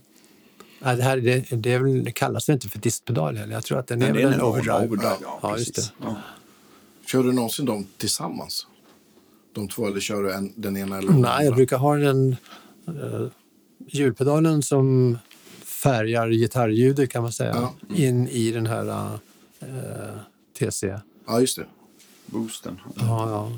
ja det, är, det är en dist Ja, just det. kan man säga. Måste jag tänka? Fast jag måste få googla fram den sådär medan ni TC-pedalen? pratar vidare. Ja, man måste se Ja. hur den ser ut. Nej, jag kan göra det sen. Men, men jag tänker så här. Om man, då ni åkte till USA, hade ni med något mer än gitarrer? Eller? Vi hade med oss hela jävla eh, riggen. Ja, för, det har jag förstått. Ja. Liksom, Och det hade, jag hade liksom. två lådor med eh, alltså två såna här eh, typ Marshall, fast det var Malmberg, och 100 watts förstärkare. Och eh, basisten hade samma och orgeln hade samma. Jag kommer inte ihåg om vad Pelle... starkt. Man bara, starkt åkte, man man, man bara åkte ut till, till. Bromma och checkade in en orgel. Ja, orgel och eh, även han hade ju Leslie också. Ja. Ah, shit alltså. Han hade både Leslie och, vad fan hade han också? Stärk. Jag kommer inte ihåg, men han måste han ha haft. Jag måste ha haft en topp tror jag va? Ja, ja. Måste Han hade, han hade inbyggt en typ uh, Fender i, eh, som var i orgeln, som Okej. hade byggt in där. Okej. Som drev, så, som kunde överstyra lite grann. Då kunde man ju ta de där kollarna i varsin arm och kliva på planet i alla fall. Exakt lägga upp ett Fan, vad tungt hatt. det är. Och idag, för, för folk så här, jag vet ju, jag pratade med någon, eh, någon kund igår så här bara. Fasiken kan man inte få min kombo lite lättare så här, någon en, Ja. 30 watts 112 eller någonting sånt där. Bara, ja, man kan sätta in något lättviktselement kanske. så här, Ja, det är så tungt liksom. Så här. Jämför man med det där. Men, så, men du hade alltså med dig 200 watts toppar och hur många högtalarlådor? Två. Nej, jag hade, nej, jag hade en 100 watt. Ja, en hundra. Ja, men basisten hade likadant. Ja, jag har för mig att Mecke också hade det. Eller så var det Pelle som hade en mick i baskaggen som han ville micka upp så man kunde ha bakom ryggen. Ja, För det hade vi i alla fall i, i Stockholm. ja. Det finns en bild från uh, Gärdet när vi spelar. Då har jag två. Alltså dubbla staplar. Och Bella, också basisten, också dubbla staplar. Och Pelle har en stapel för sin baskagge. Okej. Och sen så Mecke, sen så Ja, två staplar. Ja. En stapel till på varje sida då som sång. Hade han... Eh, Och så, en, en, så, liksom, eh, så du hade för egen del fyra stycken eh, Lådor. lådor. Ja. Och det var, var det alltid liksom ehm, de här gitarr, bas och sånglådorna, de, det var 412 och de hade alltid samma typ av Celestion eller vad man nu kom Nej, över. hade Philips. 12 Philips. Ja, det finns väl olika modeller på Philips Ja, också jag vet. förstås. De körde ju så här. Jag vet att Björn som gjorde din overdrive där, han, de Ja. fanns ju en speciell Ticonal-högtalare som, som hade som en, det var en 12-tummare, men så var det som en liten, en liten Tratt, tratt i ja, mitten det. där för att de skulle få lite... Kan det ha varit, Ja. ja. Att, ehm, jag, jag tänkte inte alls mycket på sånt där då. Nej, Utan det var bara en högtalarlåda med Mm. högtalare i. just det. Och förstärkaren var bara en förstärkare som förstärkte ljudet. Mm. Det är Först senare har man börjat pilla lite mer på detaljer. Mm. Men alls inte lika mycket som ni. Då var det mer bara, hörs jag längst bort i lokalen? Ja. Ja. Ja, Eller? Typ. ja. Men- hade du fortfarande... Hade du eko fortfarande? Ja, jag hade eko rätt tidigt och tyckte om det länge. Så att jag hade ett ekolett-eko även med Kebnekaise. Jag kommer inte ihåg om det var det. Kanske inte. Ja, men det blev ju stulet. Eller så fick jag ett, köpte jag ett annat. Mm. Sådär med band som jag var tvungen att byta nästan inför varje spelning. Mhm. Eh, För att de slets ju isär. Just det. Just det. I alla fall de som jag gjorde, för man tejpar med med vanlig bandtejp. Ah, okej. Jag vet inte om originalbanden kanske var svetsade, det kan hända att de var. Ja, eller limmade på något sätt. Ja, just det. ja. Jag kan inte det där. Det är liksom, Nej, det, man, man, eh, allt sånt där som eh, är krångligt och opraktiskt, det har man ju valt bort av någon Ja, visst. Ja, men digital eko låter lika, tycker jag låter lika bra. Men, Funkar i alla fall som eko. ja, Förstora ljudet kan man Ja, säga. men visst. men du har alltid, eh, eh, mer i dagsläget så har du kört eh, Line 6 Eco. ehm, Numera, Ja, ja, ja. visst. Men jag har ju andra ekopedaler också förstås. Som jag, har du någon favorit där annars? ja, länge så hade jag den här vanliga Boss-delayen. den här vita. med- DD3 kanske? Ja, någon, någon sorts DD någonting. Ja. Som jag tycker också funkar ju alldeles utmärkt. Just det. För den är inte så... Det är inte så vikt, jätteviktigt hur klangen... Ändras liksom. Nej. Är det för mycket borttagning av diskanten så blir det... tu- tu- tu- Så man hör inte tonen till slut. Men det gör egentligen ingenting för där borta, när det kommer dit så har man tagit en ny ton kan man säga. Ja, precis. Har du, har du på din Line 6 har du flera olika ekoinställningar så du har mer eller mindre? Eller? Ja, har- ja, har ibland något- har jag två, men oftast räcker det med en Ja. i sånt som jag spelar. Och så, så gärna reverb och så för att kunna bredda upp ljudet. Därför som jag vill ha två förstärkare. Ja, Ja. Och då kör du stereo också? ja. Och för min skull mest. Okej, har de plats med att göra upp det i mixen så det är ju bra det med kan jag tycka. För att då blir det lite brett även ute. Men det kanske är mindre... Det kanske inte ger så mycket effekt som man kanske tror själv. Men i alla fall att det är skönt att ha ett ljud som man tycker om när man står och spelar. Ja, oh ja. Jag tänkte på också, eh, när det kommer till elgitarrsträngar så var det väl liksom lite an... När började de här 09 och de här tunna sätten dyka upp här i Sverige för dig? Eller, eller hur? Ja, det måste ha varit i sent 60. För att jag använde ju en uh, banjosträng länge som tunnaste det. sträng. Det fanns inga eh, tunna strängar kan man säga. Nej. Och sen så använde jag ju länge så, tunt som till 08. Ja. Men sen så gick jag upp till 9 och nu är jag uppe till 10 och 10,5 tycker jag verkar funka rätt bra också. Och 11 är lite fortfarande, men även där kan jag tycka om för att det, blir, det är lättare, man får bättre grepp med plektrumet kan man säga. Mm. Har de för tjocka så blir det 12 är lite för tjockt Mm. i min smak.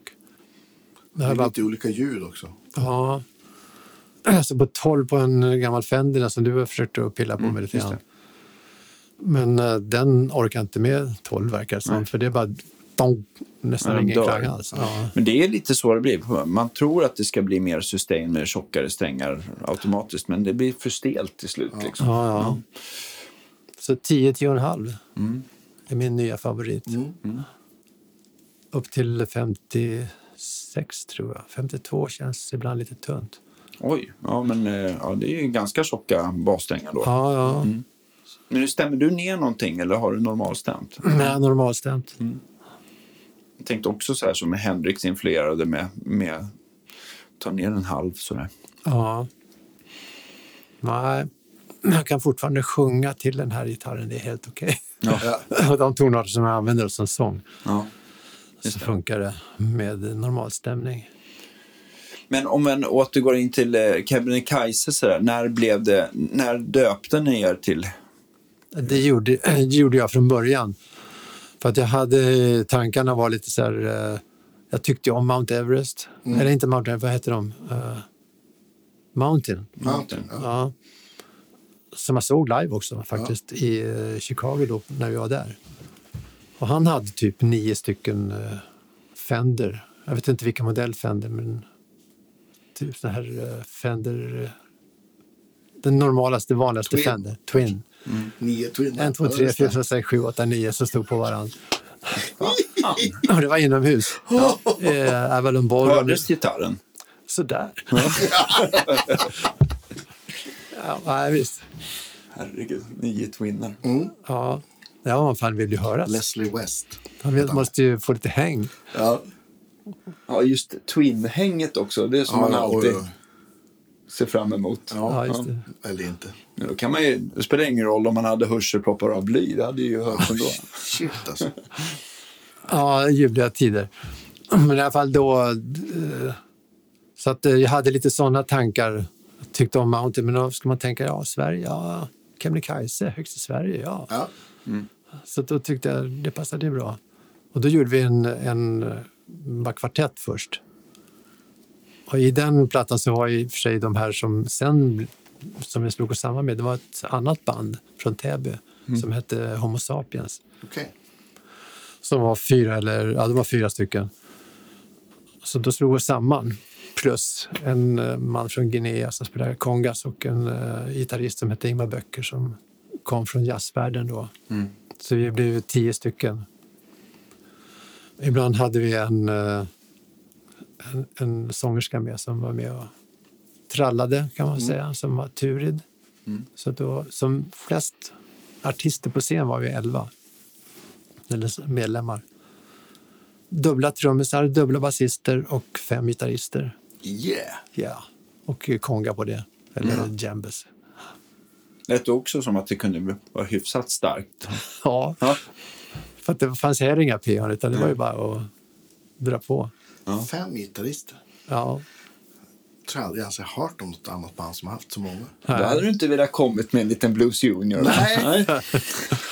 Nej, och även eh, två basister. Det har vi fortfarande. Ah, Okej. För folk har ju försvunnit, dött och eh, slutat. Så att, eh, vi är sex stycken numera. Hur många originalmedlemmar? Alla är original. All, ja, vad fränt. Ja, visst. Ja. Så att det därför så är det ju... Det kanske kom så mycket folk för att det är kanske sista spelningen de gör. Men så här med två basister, är det mycket unisont då eller? De väljer själv faktiskt. Ja. Det, det, är inte, det är inte heller något skrivet eller Nej. arrat på så sätt utan man får knö in sig där det funkar kan man säga. Och det gör de också då. Ja. Lite krångligare än att det är två gitarrister kan man väl säga. Men de spelar väl ibland samma toner och ibland spelar de inte samma toner men de ligger, försöker inte ligga för nära varann. Så Göran, det blir dissonant liksom istället. Göran är mera, kan spela på det ljusare registret och eh, Thomas ligger gärna i mörkare då. Så att, och, så att det funkar ju faktiskt. Det blir ju bra botten för, för gitarristen att stå på, Ja, visst. som då brukar vara jag. Ett fundament. Ja. Ja. Sen så är det en eh, som spelar fiol eller gitarr. Mm. Han växlar. Och det blir ett rätt bra ja, sound tycker jag. Ja. Hur, hur, eh, liksom, vilket år var det ni startade Kebnekaise? Första var nog 71 cirka och eh, vi började luftspela, gjorde en platta. Så att ungefär 72. Det är lite diffust vilka år egentligen det var. För att det var en, när jag kom hem från Amerika med Mickey Markman så ville jag gå andra vägar. Mm. Så därför så frågade jag ja, Pelle och basisten då om de skulle vilja spela mina låtar lika gärna. Mm. Och tog in en annan gitarrist också som heter Roffe Scherrer. Och vi var i kvartett ett tag, inte så skitlänge. Sen så, kom, så tog vi in Homo sapiens och då blev vi dubbelt så många. Mm. Och då hade jag lagt märke till den här svenska folkmusiken Just det. via att jag var på turné med Cornelis Vreeswijk och där var ett par spelmän som spelade. Mhm. En, två stycken. Hur var det att turnera med honom? Ja, det var ju kul att turnera framför allt och få vara med i, i sådana sammanhang. Det är ju alltid kul Ett faktiskt. glatt gäng, jag förstår det som. Ja, ja så där egentligen var väl ingen som var... De gladaste var väl spelmännen och jag. Ja. Men Nej, det var väl som det är, så här, olika gäng. Mm, Cornelis var som han var. Han hade en eh, torr period så att han var inte, abs- han var inte någon fyllegubbe då. Mm. Eh, Så det, var, var ju skönt kan man säga. Tycker du, när man ser såna här filmer i- som när det filmatiserats med Cornelis, att det blir liksom, att gav det någon liksom liten bra bild om hur det var eller känns allt överdrivet? Ja, jag vet inte, jag har kanske sett någonting. Ofta så blir det ju väldigt eh, putsat kan man säga. Jag såg ju en eh, dokumentär om James Brown nyligen som tyvärr inte finns kvar längre på SVT Play. Som var producerad av bland annat Mick Jagger. Och där har han fokuserat sig bara på det musikaliska. Och det var jävligt bra. Sen så finns det såna här dokumentärer som ska då dra in drogproblem, problem, tjejproblem, alla den typen av... Då blir inte det lika kul faktiskt. Nej. Och för en som är intresserad av musik så är det var det här med hans eh, sätt att bygga upp sin musik mycket intressantare än att höra om hans kokainproblem. Liksom. Ja, men absolut. Men verkligen. Och det kan gärna bli även som för Cornelis att eh, jaha, det ska fläskas på med hans fyllegrejer, orger och sånt där. Men som musiker var han ju jävligt bra. Han jävligt bra sångare. Ja. Han kunde ju sjunga blues faktiskt. Och spela bra gitarr. Det tänker man kanske inte på, men eh, han spelar jävligt bra gitarr. Och bra låtar. I alla fall uh, lättillgängliga. Ja. ja, visst. Och han var väl en av de som fått mig att rysa kan man säga. Och det var på en uh, Gröna Lunds stora scen. Han skulle, vi skulle spela den här Ulla min Ulla. Säg får jag dig bjuda och så vidare. Och när han berättade om den då först innan han började sjunga den. Så berättade han att ja, när, Bellman skrev den här låten så var han det var inte när han var 32 och stod under Ullas fönster och sjöng sådär utan utan det var när han var en äldre man satt och drömde sig tillbaks. Så förklarade han. Så hade han Ja. eh, tytt det hela. Och då blev det som en gammelmans blues kan man säga. Ja, visst. Och det, då rös jag Ja. när vi spelade den sen.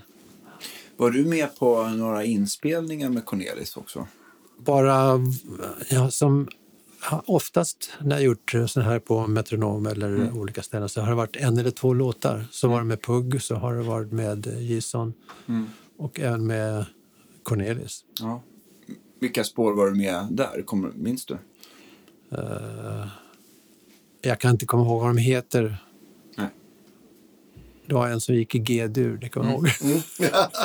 Får vi leta lite. Ja, just det. Eh, jag tänkte också sen för Kebnekaise och sådär. Hur, hur togs det emot då? För det blev väl ganska populärt vad jag förstår det som på tidigt 70-tal. Ja, ja, vi tillhörde nog eh, de st- ja, stora banden kanske man kan säga. Det var väl uh, Hoola Bandoola och eh, Nationalteatern var större. Sen så fanns det förstås en del i samma, samma dignitet som vi. Men vi hade rätt bra publik ofta. Eh, mycket publik. Och det fanns nämligen ställen som var som var, var så stor generation kan man väl skylla på Just det. av samma tänkande. Och när vi kom och gjorde första spelningen, då var vi bara tre. Det var jag och Göran Lagerberg och Pelle Ekman Just det. som i Rättvik. Och då spelade vi de här låtarna. Och det var lite kul för att vi kom från stan och spelade folk, deras folkmusik. Och banden där uppe de spelade sån här storstadsmusik kan man säga. Just det. Lite jazzaktigt. Men det mottogs tydligen ganska bra. Det var, vi fick inga tomater och inget sånt där. Skönt ändå. Nej, I alla fall inte på oss. Att missa. Ja. Men, men kommer du ihåg, lärde de här äh, folkmusikerna som var med, med Cornelis, lärde de dig några låtar eller var det mer att du bara blev influerad av deras sound? Eller? Ja, de, eh, vi, gjorde, vi använde två låtar i showen. Ja, Barkbrödslåten och en eh, skänklåten från Rättvik Mm. som då Perssons Olssons farfar hade skrivit. Och han var en av spelmännen. Och Barkbylåten var också en låt från Dalarna. ja. Och Horga-låten är en sån som var med mig från barndomen kan man säga. Den har jag hört ofta.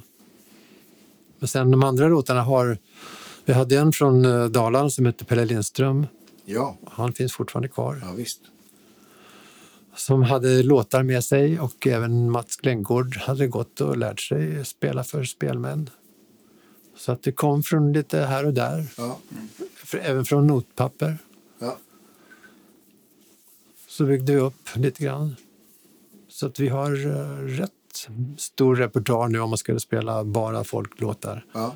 Men ändå så det krympts till så man använder kanske tio stycken. Ofta. Ja, det är lite kul och även där. Det som jag tyckte då det var att eh, fan, här är det ju en skatt som är rätt eh, stor. Svenska folkmusiken.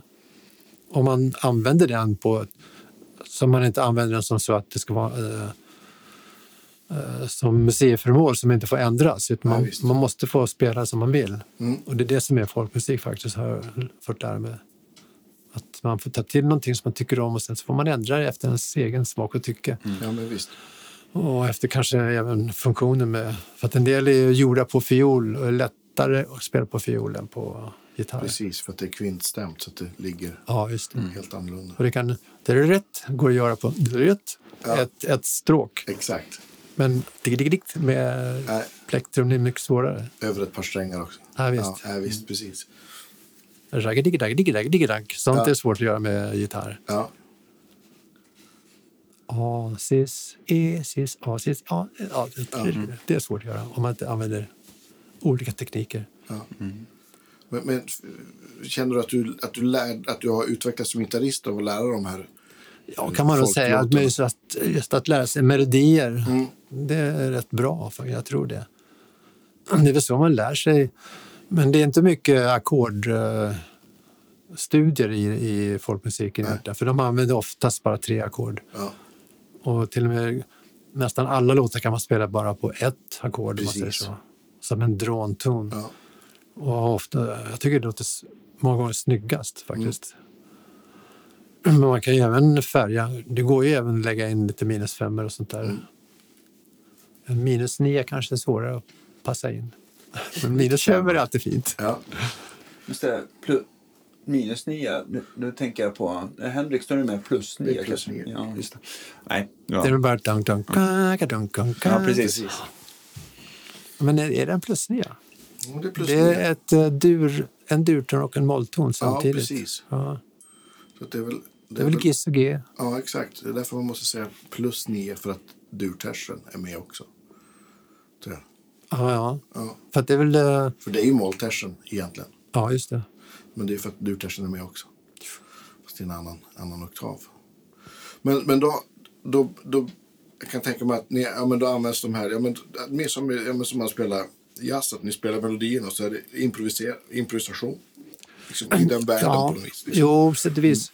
Även om man, ja, man improviserar då bara egentligen på, inte så mycket melodin, mer på ackorden. Mm. Och när vi improviserar kring, alltså om vi ska göra ett långt intro till Hor- Horga-låten till exempel, Mm. så använder vi bara A-målet. Just det. Till låten kommer igång, så att säga. Ja. Och även sen när man eh, gör även i mitten. Och sen så intro, melodier, outro eller, eller mellanspel. Ja. Sen så melodier igen och sen så outro. Om man vill få låten att bli en halvtimme så får man göra på det viset. Ja. Annars får man eh, förkorta på de här partierna där det är melodi. Man gör en melodi bara en gång då istället. Ja. Normalt är en, upp, en folklåt är uppbyggd melodi, melodi, alltså A. Oftast är det A och B-melodier kan man säga. Eller de kallar det för repriser i det språket. Repris 1, repris 1, repris 2, också två gånger oftast. Och sen är det lite mer, kan det finnas tre olika. Jorgelåten har ju tre olika partier kan man säga. Men Sparkby-låten har också tre. Men de flesta är egentligen bara två olika melodier som på något sätt hänger ihop. Och sen så får man köra dem om och om igen. om man improviserar på det så är det väl att man kan vara, om man är mer än en då så kan man ju göra olika stämmer. Och är man ensam så kan man ju spela dubbelsträngat på lite olika sätt. Så att det, det finns jävligt mycket att plocka där. Och sitta och fördriva tid med, de ska säga. Ja, jag håller på med de här...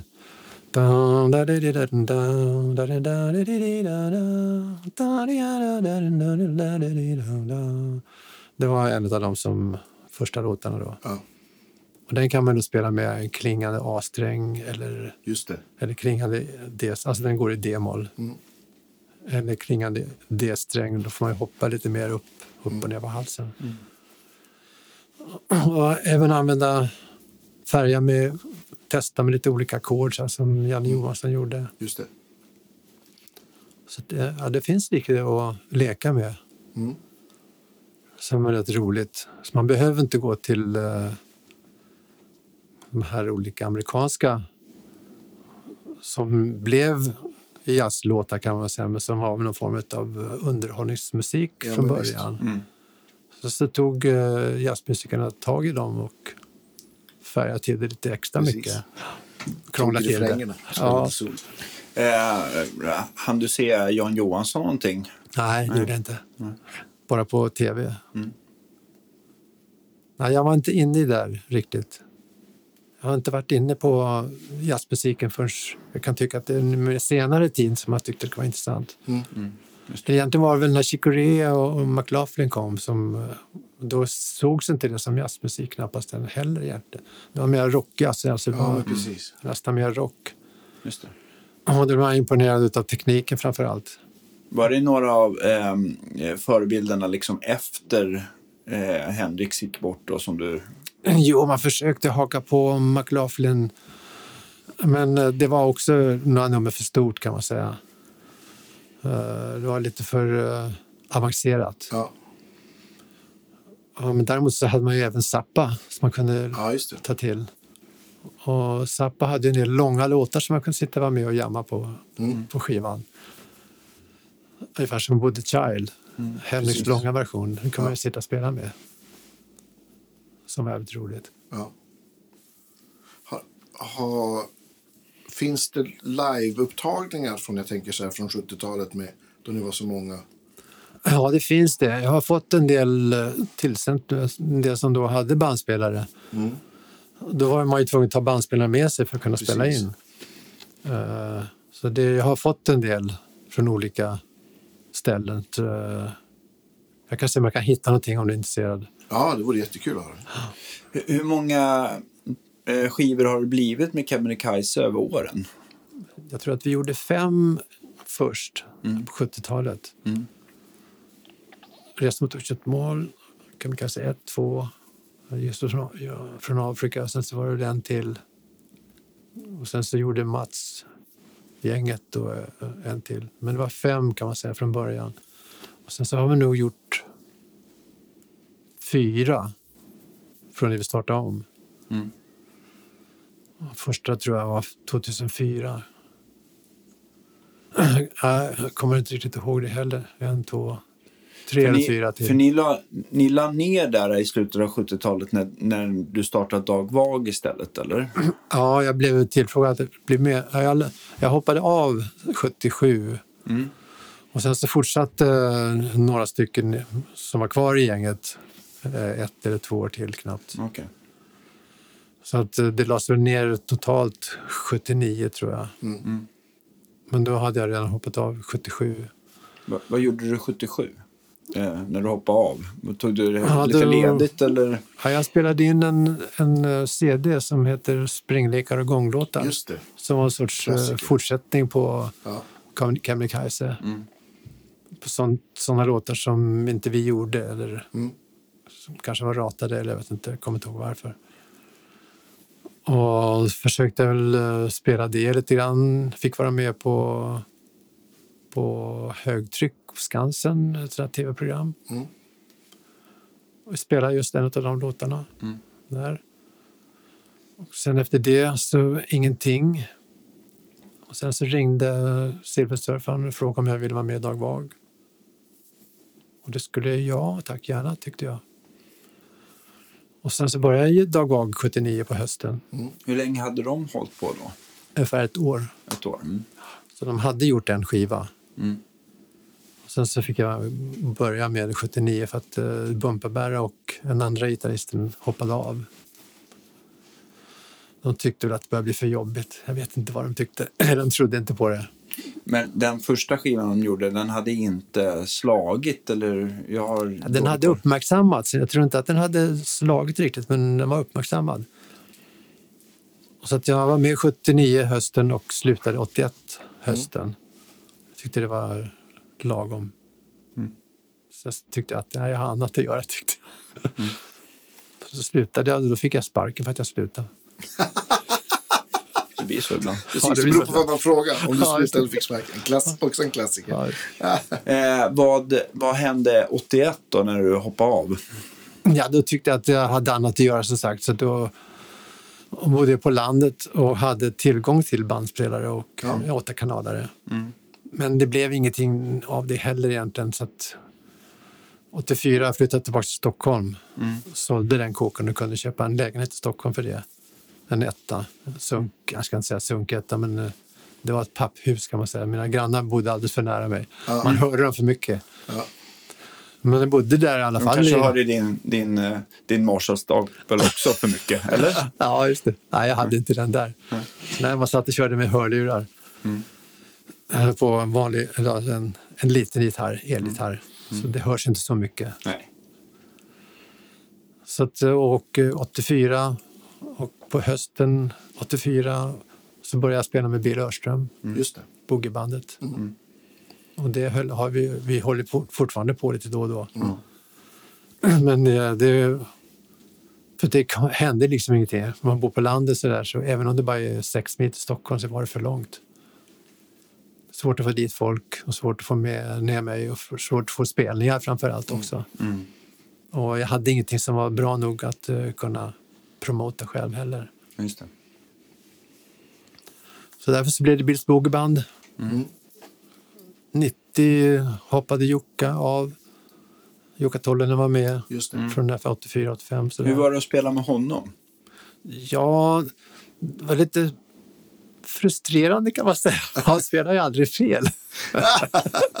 Men alltså han var ju, han, man kan säga han tillhörde ju världsstjärneriet, stjärn, tycker jag. Han spelar ja, så bra man kan spela egentligen. Spelar aldrig fel, bra ton.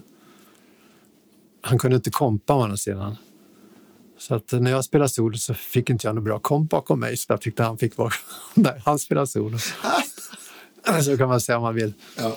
Men för att jag hade ju min stil som inte var lika briljant i teknik som eh, Jockas stil var. Han, han kunde ju spela Clapton utan problem. Eller, eh, han kunde ju spela den bluesstilen kan man säga som är väldigt eh, attraktiv. Men han, äh, äh, Jag tycker de gånger jag såg, eh, men det var ju senare i och för sig, men, eh, men eh, han var ju ganska, det var ju ganska festligt kring han. Var det även så, var det även så på den tiden? Att han, eh, ja, Hade det festligt? Ja. ja, ja, Jo, det var ju så, så att det var väl en anledning varför han slutade sen. För han slutade ju på så sätt att han eh, tog med sig basisten och trummisen. Mm. Eh, Hasse Larsson och uh, Kjell Gustafsson. Så Okej. att de bildade en trio under inte så länge heller. nej. Och sen så bodde han nog neråt, han bodde i Köpenhamn en tid. Men till slut så flyttade han tillbaka till Helsingfors. Och sen så hände någonting som gjorde att han åkte in i finkan. Fick sitta där en tid. Ja, honom kan ni i och för sig också säkert, eh, för numera är han clean som han kan bli. Ja, just det. Men, men han bor väl i Finland vad jag Ja, han bor i. Helsingfors som jag förstår också. Ja. Mm. Han bodde ju i Stockholm ganska länge på 90-talet har jag för mig, va? Eller? ja, Så tidigt 2000. Han bodde kanske inte. Han kanske bodde i Stockholm. Han bodde till och med nere i, i söder om Linköping en Ja, okej. kort period. Och fick Okej. barn där nere med en finska. Okej. Ja, nej, det är... För jag, jag, jag har träffat honom en gång och då spelade jag på Lilla Maria. Det var, Ja, men det var samma för mig. Jag tror att vi till och med jag, jammade jag, tillsammans. jag, jag förstod ju inte vem det var. Han kom fram och du- sa, får jag spela på gitarren? Och han såg ut som, som de som ville sälja droger till en. Eller Ja, ja, köpa ja. droger av en som det var där på Lilla Maria. Ja. Ja, det var Så- ett ja, härligt ställe. Ja, men visst. Att Ja, så bara, visst. nej, men vi ska ha paus. Jag, jag vet inte om jag, jag tordes liksom inte låna ut min gitarr. Men jag kan spela, sa han. Ja. Liksom, så här. Och, och de i baren höll på att skratta ihjäl sig. Jag var ju inte gammal då. Liksom, så det Nej. var, ja. Ja. Men han, alltså, jag, jag jammade med honom till bara, det låter bra. Ja. Så Ja. fint. Och då fattade Ja, jag inte, liksom, jag fattade inte vem, eller jag tyckte han spelade väldigt bra då. Ja. ja, Men jag fattade inte Vilken vad han legend det var. vilken legend det var. Nej. nej, just det. Nej, han var väldigt stor nere i, på kontinenten. I alla fall Tyskland, Danmark, Tyskland. Han spelade skitmycket där nere med sitt uh, Jukka Tolvanen Band. Men han, ska, han förtjänar mycket Ja, cred. verkligen. Oh ja. Och numera har han väl slutat att spela gitarr i stort sett. Vi träffade honom nämligen eh, 20, alltså 2020. Precis en månad knappt kan man säga innan pandemin drog igång. Då var vi över i Helsingfors och spelade med Kebnekaise.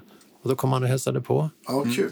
Ja, fräsch och fin, jättefin verkligen. Han, han blev religiös under tiden han satt i finkan. Ja. Och slutade med allt, allt festligt så att säga. Och hittade väl det någon annanstans. Så det var ju det var jävligt kul att faktiskt se honom. Han såg väldigt fräsch och fin ut. Men han hade eh, lagt ner gitarr, eller lagt det åt sidan också, eller? Ja, han har fått ont i fingrarna. Okej. Så han spelar väl hellre bas och eh, även keyboard, alltså piano. Han var ju piano, pianist från början. Okej. Han gick väl på den höga eh, skolan i Finland. Så Sibelius-akademin. Ja, ja, någonting sånt Okej. där. Det visste jag inte heller. Så han var en väldigt bra, bra pianist. Och därav styrkan i fingrarna som gjorde att han kunde även spela gitarr jävligt bra. Eh, eh, om man bortser, efter Bills Boogie Band, hur länge höll ni på med det? Ja, som fram till Lisa Ekdahl, 94. Just det. Och sen så spelade vi med henne då eh, hennes första två år. Mm. Och sen så håller vi fortfarande på då och då och spelar. Mm. Stampen har vi varit, men det är bara Bill och jag då som fortfarande är bogeybandet kan man säga. Ja, just det. Hasse Larsson är med ibla- ibland, Patrik Boman är med ibland. Mm. Det har varit eh, många olika basister och hur många trummisar som helst. Mm. Och, men, eh, och sen så, har, ja, så spelar han och jag som duo ibland. Just det. Ska göra det i Uppsala på, på onsdag. Ja, var det någonstans? Katalin tror jag. Ja. Just det. Och det får ni inte... För det var, när det här sänds så är det igår nämligen. så att exakt. det missade Alltså. ni. Ja. Så vi, sänder, vi sänder ju alltid på torsdagar. Ja, ja, så vi spelade på Katalin igår. Ja, Precis. Gick det bra? Gick det bra? Ja, fan, jag har Det är sett så succé. Ja. Nästan lika bra som på Kebnekaise faktiskt.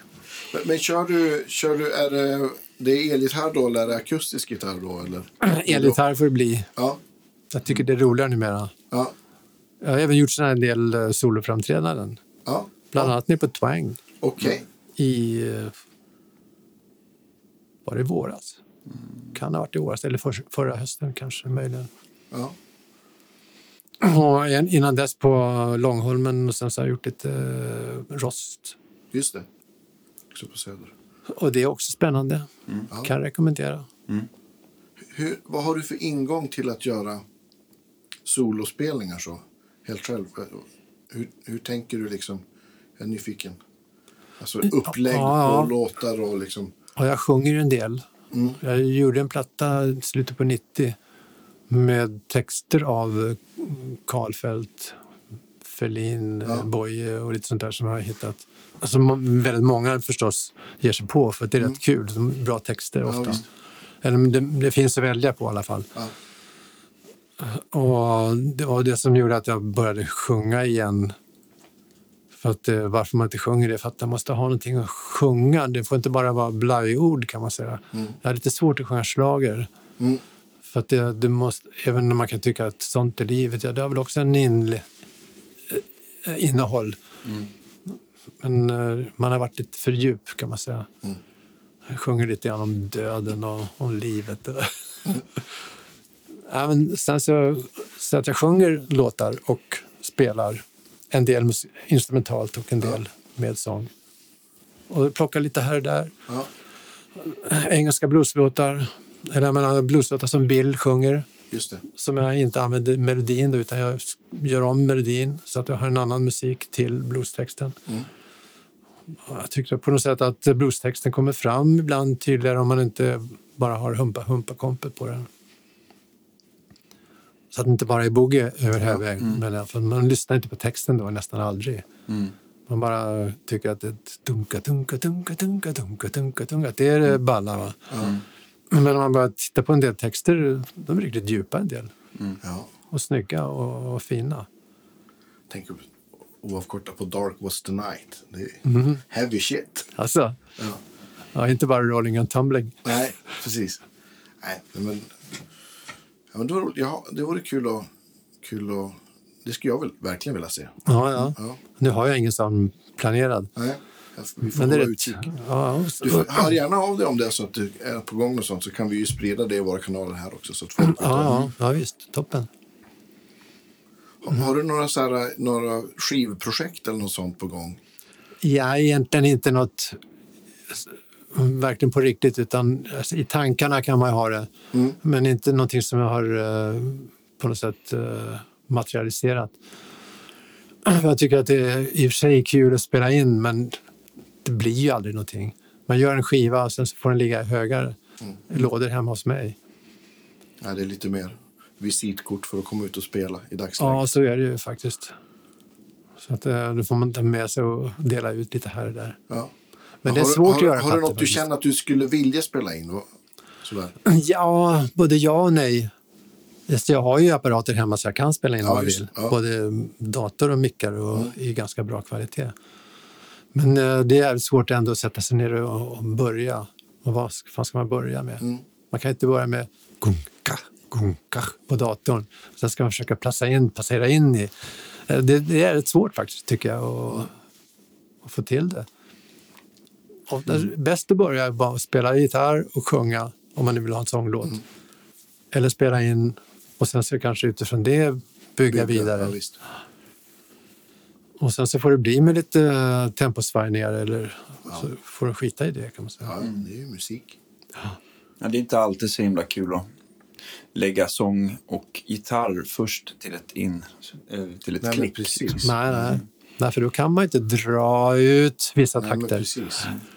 Det, man spelar in sång och gitarr, sen så gör man om sången, sen så gör man om gitarren. Och så vidare. Så, så kan man ju bygga upp det. Va? För att man sjunger, sjunger bättre om man inte spelar gitarr till. Mm, just ibland kan jag tycka, i live så kan du tycka att, det, att jag sjunger ganska bra även då. Men att göra det som man sitter hemma i, framför, i studion så blir det en annan känsla faktiskt. Då är det lättare att börja och spela in så och sen eh, försöka... Ja, så får man ändra sen då och lägga till. Det går ju Ja, att klippa så jävla lätt. Ja. Om man tittar nu när du spelar in gitarr hemma, hur har du gjort, hur har du gjort då? Både mick och ibland eh, line. Mm. Uh, mick låter ju egentligen snyggare. Vi- Vilken förstärkare? Är det man kan- som används då också? Ja, Piven. Jag har även använt Marshall 100 watt, men inte på 100 watt då förstås. Nej. Så att jag har ju även en sån. Och det är väl de två olika. Mm. Piven funkar ju så man kan göra så mycket ljud med eh, olika diskmaskiner. Just det. Och ibland inte för mycket disk, men ibland lite bara så att gitarren blir lite hes kan man säga. Mm. Och även andra pedaler. Mm. Men mycket reverb och sånt där är nästan snyggare om man använder eh, programmet. Absolut. Det blir liksom större då. Ja, Lite mer lättmixat. Ja, men vi, absolut. man sätter sig i ett rum, kan man. En stor, en stor hall Ja, eller vad man Mm, vill. just det. Men, ja, Jag tänkte på gitarrmässigt. Jag tänkte på när du när med Kebnekaise så misstänker jag att du tar med dig 355 nu. Vad är det som mer får, som får mycket speltid av dina gitarrer? ja, det är den. Sen så har jag använt Malmbergsgitarren väldigt mycket. En nytillverkare då, eller? Ja, ja. För att den är, som sagt, den är, vad heter det, versatile. eh, Ja, ja, ja, mångsidig kanske. Ja, Precis. Ja. Thank you. Varsågod. Ja, när man pratar lite grann så blir det svårt att komma ihåg vad det heter på svenska. Va? Ja, just det. Ja, nej, men, och guildgitarren tycker jag också om. Som att jag tog ju bort svajen på den till slut. Och satt på den gamla puffmicken. Du kanske kommer ihåg någonting om den? Just det. Du var med tror jag, eller kanske var Björn som gjorde det. Ja, men vi har, jag, du har haft inne, nu är det så mycket gitarrer som florerar här, men jag, jag vet att jag hjälpte lite grann med dina Ja, gitarrer. ja guildgitarren, för den har också lätt att få återkoppling nämligen. Alltså i i höga frekvenser eller låga frekvenser? Ja, lättast går det ju då på A-sträng bland annat. Och även E-strängen. Okej, så att det rå, låga, den startar. Men är den, har den mittstock eller har den... Ja, mittstock. För att, alltså, det som är med lite gamla paffar så där, som man pratar med återkoppling ibland, det kan ju att det är de här frö, högfrekventa tjuten liksom, så här, som, att det piper mera, det som är jäkligt jobbiga. Och det har ju mer att man får vaxa micken och sådär. Men just den här typen av basåterkoppling som det blir på de tjocka strängarna, det brukar ju vara liksom just att man har en förstärkare som som, som låter relativt starkt som får gitarren att svänga med. Liksom. Ja, just det. Den, är ju lite, den är ju lite tuffare om man inte har gott om fogskum och trycka in i den. Eller, eller som Dre- nej, skojar bara. Men, men Dregen kör väl sina gamla t-shirts? Ja, precis. mm. Vad, vad lägger han dem då? Nej, F-hålet. in dem i F-hålet. Pula in. Kom, får aldrig mer se dagens ljus. Nähä. Nej, Så, får man ta en ren så, helst. så att en, en, det är ju så. Plankor, ju, mer, ju mindre de låter akustiskt desto högre kan du ju spela utan den typen av Ja, just återkoppling. det. Visst. Ja, då kan det snarare bli skrik, man säger så här, oväntade, oönskade skrik. Ja, precis. Men det, då får man ju baxa bort det. Och vissa Ja. menar ju att det dödar ju lite karaktären på micken. Och Mhm. Vissa tycker att det blir...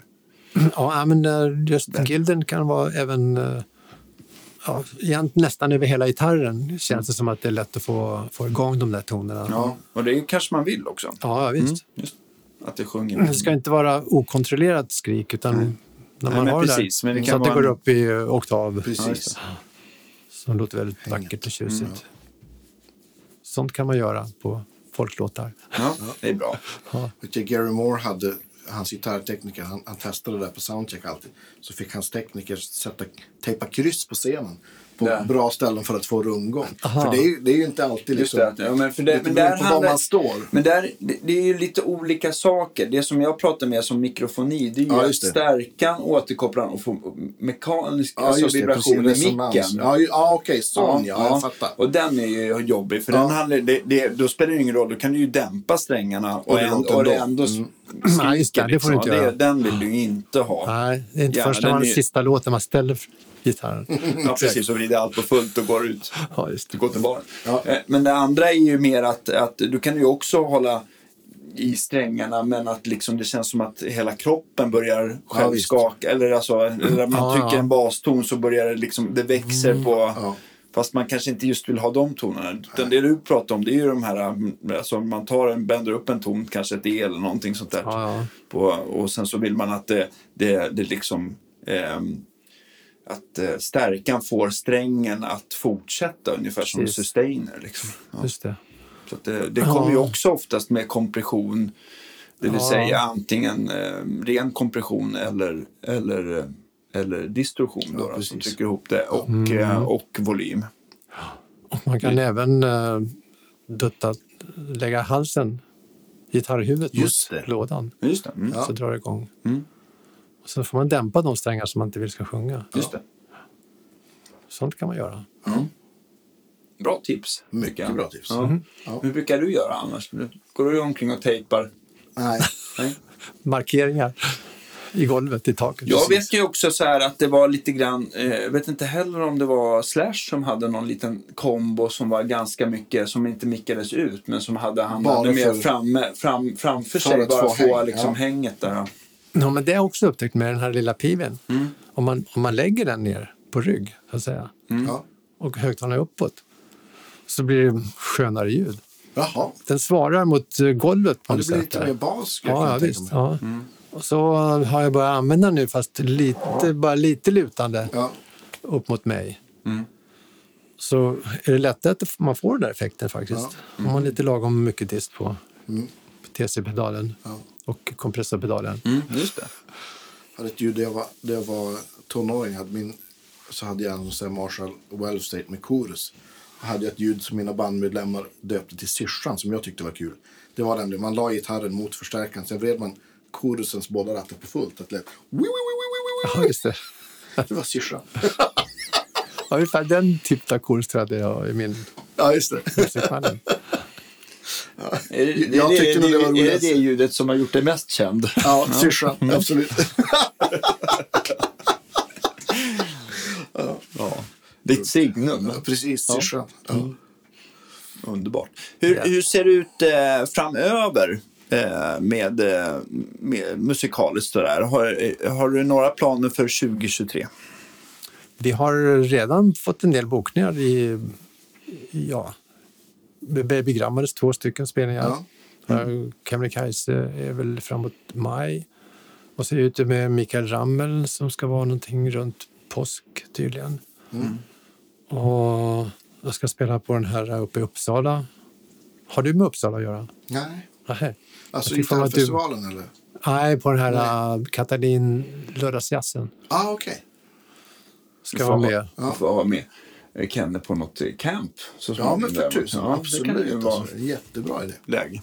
Camp, det låter läskigt. Nej, men vi har, eh, så Andreas, jag är ju med och supportar mer kan man säga. Ja. Men Andreas driver ett gitarrcamp som heter Guitar Geek som körs eh, typ en gång om Ja, året i januari-trakten sådär. Ja, ja. Och eh, det har ju varit rätt mycket härliga gitarrister som har eh, föreläst eller gett lite så här. Jojje var med sist. Det är mer så här liksom ett, en, en dag eller en helgs gitarrhäng. Och Mhm. så är det liksom några instruktörer och så delar man upp folk i grupper. Och så. Ja, Fredrik Åkesson från Opeth har varit med flera gånger va? Ja, och sen så- så ja. eh, Astner har varit med, Torell har varit med. Precis. Emil Magnus, eh, ja, precis. Och Magnus Josefsson. Och, och det har varit en hel del trevliga gitarrister som har, som har Schultz såklart. Jajamän. Ja. Jajamän. Eh, så att det har varit väldigt trevligt och lyckat. Har du några Ja. biljetter kvar för nästa Ja, men år? det finns några kvar. Inte så många faktiskt. Är det en två dagars Ja, det är det två dagars. Alltså 28, 29 januari. En Vilken lokal har- håller du Miss? Midsommargården vid telefonplan, så inte så långt därifrån. Det är ett sånt här gammalt ja, men så här, klassiskt medborgarhus som finns i alla så här närförorter till Stockholm. Och, så, Mhm. och det som är så bra med det här stället är att det till vardags är ett, eh, ett särskolegymnasium. Så då finns det Ja, klassrum så man kan liksom sprida ut sig lite. Ja. Är det, alltså, är det en sorts typ, eh, menar du att du sitter, man sitter i olika rum, Ja. så kommer folk och frågar. Det brukar vara Ja. grupper om Ja. sex, sju va? Ja, något sånt. Precis. Och sen så eh, undervisar man dem en timme. Ja, Och sen så kommer nästa grupp med Precis. lite paus och så är det middag och ja, Ja. lunch. och lite så här. Ja, men Kaffe och Magnus fika. Olsson har haft för, från Crafton har haft föreläsningar om strängar. Och, Ja. Så att den stora grejen är mer att det är ett, ett trevligt häng. Och nu ska det väl komma någon uh, gitarr och förstärkarbyggare och Ja, men precis. lite jag har, ja men det precis. Och Line 6 kommer och det kommer folk från Fitzpatrick. Och, Ja, ja, ja. Så att det, det blir en härligt gäng. Men det är inte, Ja. det är inte alls eh, hur mycket platser som helst. Och det Nej. kostar en liten slant. Ja, men men man får precis, ju otroligt men- mycket. Ja, oh ja. Man blir ju otroligt, de som är där, de är, ser ju alldeles eh, eh, vimmelkantiga ut av alla gitarrintryck. Ja, men visst. Ja. Nej, så delar man upp, skulle man dela priset vad det kostar att gå på kursen per timme så blir det ju väldigt billigt. Ja. Faktiskt. Eller? Men om man är intresserad av att eh, eh, kolla på den campen så, så går det väl alldeles utmärkt att Ja. gå in på din Facebook, va? Andreas Precis. Rydman Music. Ja, exakt. Och man hittar det nog. Guitar Geeks podcast också. Ja, på Hjortflöde hittar man nog länk Mm. också. Så varmt välkomna. Och ja. som jag har sagt, årets julklapp till dig själv eller någon annan gitarrintresserad människa. Precis. Och det Ja. finns jävligt många. Ja, men det gör ju det. det Många som uh, numera äldre herrar faktiskt, som eh, kanske spelade i sin ungdom, Mm. som nu blivit pensionerade. ja. Istället för golf spelar de gitarr. ja, men visst. För det kan man hålla på med mycket Ja. längre. Ja, det sliter väl inte alls lika mycket. Men sen så tycker jag att det känns, eh, alltså att lära sig saker på gitarr, det är bra för hjärnan och man, eh, visst. man, eh, man öppnar upp på Ja, något sätt eh, överhuvudtaget musik. ja, gör det. kanalerna visst. på något bra sätt. Så. Ja, just. Och när man tänker, låt, tänker en låt så ser man ju greppen framför sig. Ja. Här. Och det är bara en sån sak tycker jag också är häftigt. Att det går att se musik. En del kan ju se noterna i och för sig. Ja. Och det är ju häftigt det också. Alltså överhuvudtaget hålla på med musik tror jag är en bra medicin. Eller hur? Oh, ja. Verkligen. Bromsar åldrandet. Ja. Jag tror det, jag vill gärna tro det. Ja, de blir bra för Kropp och själ. kropp och själ. Definitivt. Minst lika bra som uh, jogga. Exakt. Eller hur? Ja, men det är bra. Man ska, man ska attackera kroppen på olika Precis. sätt. Eller Ja, huvudet på olika sätt. Eh, jag tänkte också på så här, när det gäller, när det gäller eh, på Villhöver, det börjar ju närma sig jul. Och man kanske vill ha över någonting eh, till sin gitarrsamling och sånt där. Har du, eh, har du spanat in någon pedal, någon förstärkare, något capo, någonting som du känner att det där skulle jag vilja köpa till mig själv? Egentligen inte. De, som sagt, de här, det är de här hjulpedalerna. Mm. skulle man gärna gå och, och titta på. Nosa på. Ja. Eh, har du, eh, eh, om, vi, om vi vänder på frågan så här att, eh, att det brinner hemma och du får bara ta en gitarrsak med Okej. dig ut. Alltså alla familjer och så Svårt. där är ju i säkerhet. Men jag tänkte bara mera så här, du får, vilken, vad greppar du för någonting innan, innan, Ja, det som är svårast att få tillbaks eller eh, köpa nytt. Gitarrerna kan man ju faktiskt köpa nya egentligen. Eh, kanske inte Gill-gitarren, men Gibson kan man köpa ny. Och då är det en del kanske pedaler då, som man tycker är svårare att få tag i. Numera lever ju även hjul. Han finns ju fortfarande. Ja, oh ja, jag träffade han faktiskt här Ja, eh, för ett par veckor sedan och var uppe med din gamla Marshall Class det. 5 och byggde om sådär. Som har blivit mer eller mindre klar. Han, är- så han är still going strong. Däremot så hade hans fru Eva haft lite, Ja, lite, eh, lite problem så det har varit svårt att få lite skrivstil på pedalerna. Ja, nu då. Men, Ja, men, ja, ja. men jag har nog aldrig sett så himla mycket alltså, eh, låd, eh, färdiglackade lådor på eh, hans bord. Nej, det är helt sjukt. Jag undrar hur mycket backorders han har. Så att det verkar som att han har, Mm. det är mycket att göra. ja, det är kul. Men, Nej, egentligen så vet jag inte vad jag faktiskt skulle greppa, men förmodligen så skulle jag nog greppa gitarren. ja. Gibson-gitarren. För att eh, den är också jävligt bra. Och eh, klart att de finns ju till nytt. Det var ingen eh, gammal modell, det var en ny. Ja. När jag köpte den, så den är fem, sju år gammal, kanske åtta. Sitter man i gitarr som man trivs med så är det ju... Ja, Det men det går att trivas även med gilden. Och det, ja visst. Är det någon gitarr som du ångrar att du har sålt? Egentligen ångrar jag inte, men jag kan tycka att vad bra det hade varit om jag haft den kvar. Vad trevligt. De där tidiga Malmbergsgitarrerna kanske, till exempel. Och även en eh, Fender som jag lämnade i byte då mot en Malmbergsgitarr. För det var så man gjorde då. Även den där gilden som jag köpte då hade varit kul att ha kvar. Eh, vad gjorde du? Var det någon affär som du liksom ständigt eh, återgick till eh, då? Nej, jag har haft, eh, mest har det varit med Malmberg, faktiskt. Ah, okej. mm. Den första Malmbergen, den var ju mot en Fender och gilden. Just det. Och sen så nästa Malmberg, det var väl mot den Malmbergen. Men, men hur funkar det? Jag tänker som, han var liksom inte bara byggare utan han hade liksom lite affär också så att han sålde de här gitarrerna vidare då. Förmodligen så gjorde han väl det. Jag vet inte om... Det är så svårt att, även för honom antar jag, att prissätta sin egen gitarr. Han har jobbat... Man kan ju inte säga att man har jobbat en, ja, i sju veckor. Det blir många timmars arbete visst. och hur mycket ska man ta betalt då? Man kan ju svårt att ta betalt 100 000 spänn för en gitarr som inte har märkesryktet precis. egentligen. Så, men Gibson, som man nu kanske tänker, eller Fender som också är uppe i 100-125 000. Hur kommer det sig att de blir så högt prissatta? Vad är det som gör... Skulle jag känna skillnad kan man säga på den eller på den som kostar Alltså, 30 000? Man, man, man slås ju av när man kommer till en sån här äh, stor, äh, heter det, äh, gitarrfabrik som Fender, att de, har, det är ju så, de är ju verkligen, även om de, kvaliteten är hög, så Mm. har de ju verkligen effektiviserat det. Sådär, så att de, de, det, det är ju inte lika många eh, timmar som när Oscar här sätter Ja, ihop sin, eh, sin eh, eh, eh, OM-akustiska Nej, gitarr liksom, kopiera. Utan det, det blir liksom, det blir, de har effektiviserat det. Men det är väl sådär att det är väl att det ska kännas, eh, eftersom Fender, jag tror att det, de säljer väl direkt tror jag i USA. Men det har väl inte riktigt blivit så här. Men, Nej, här, men här är det väl tänkt att, eh, att det är en, eh, en eh, grossist, jag antar att det är Fender Europa som ska Exakt. ha någon marginal och sen så ska butiken ha marginal. Mm.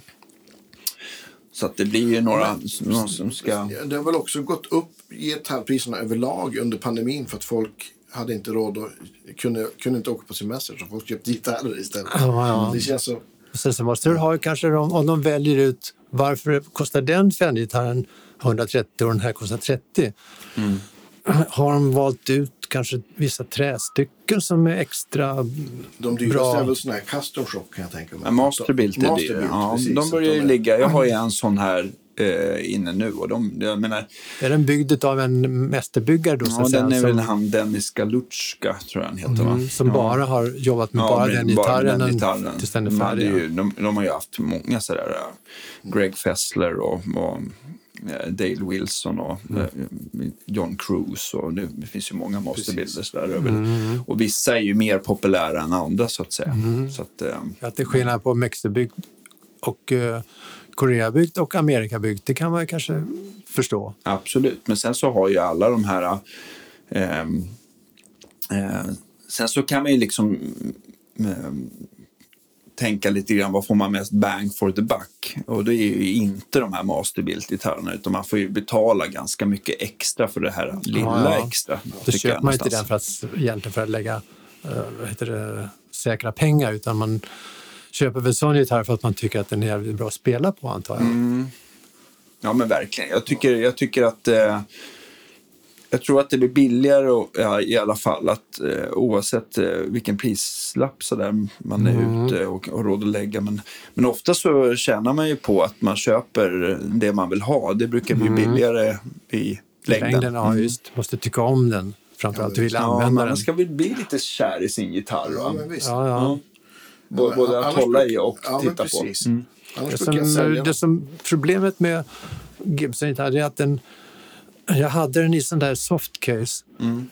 och hade den på ryggen och sen så ramlade jag. Mm, det är inte bra. Nej, det är inte alls bra har det visat sig. Nej.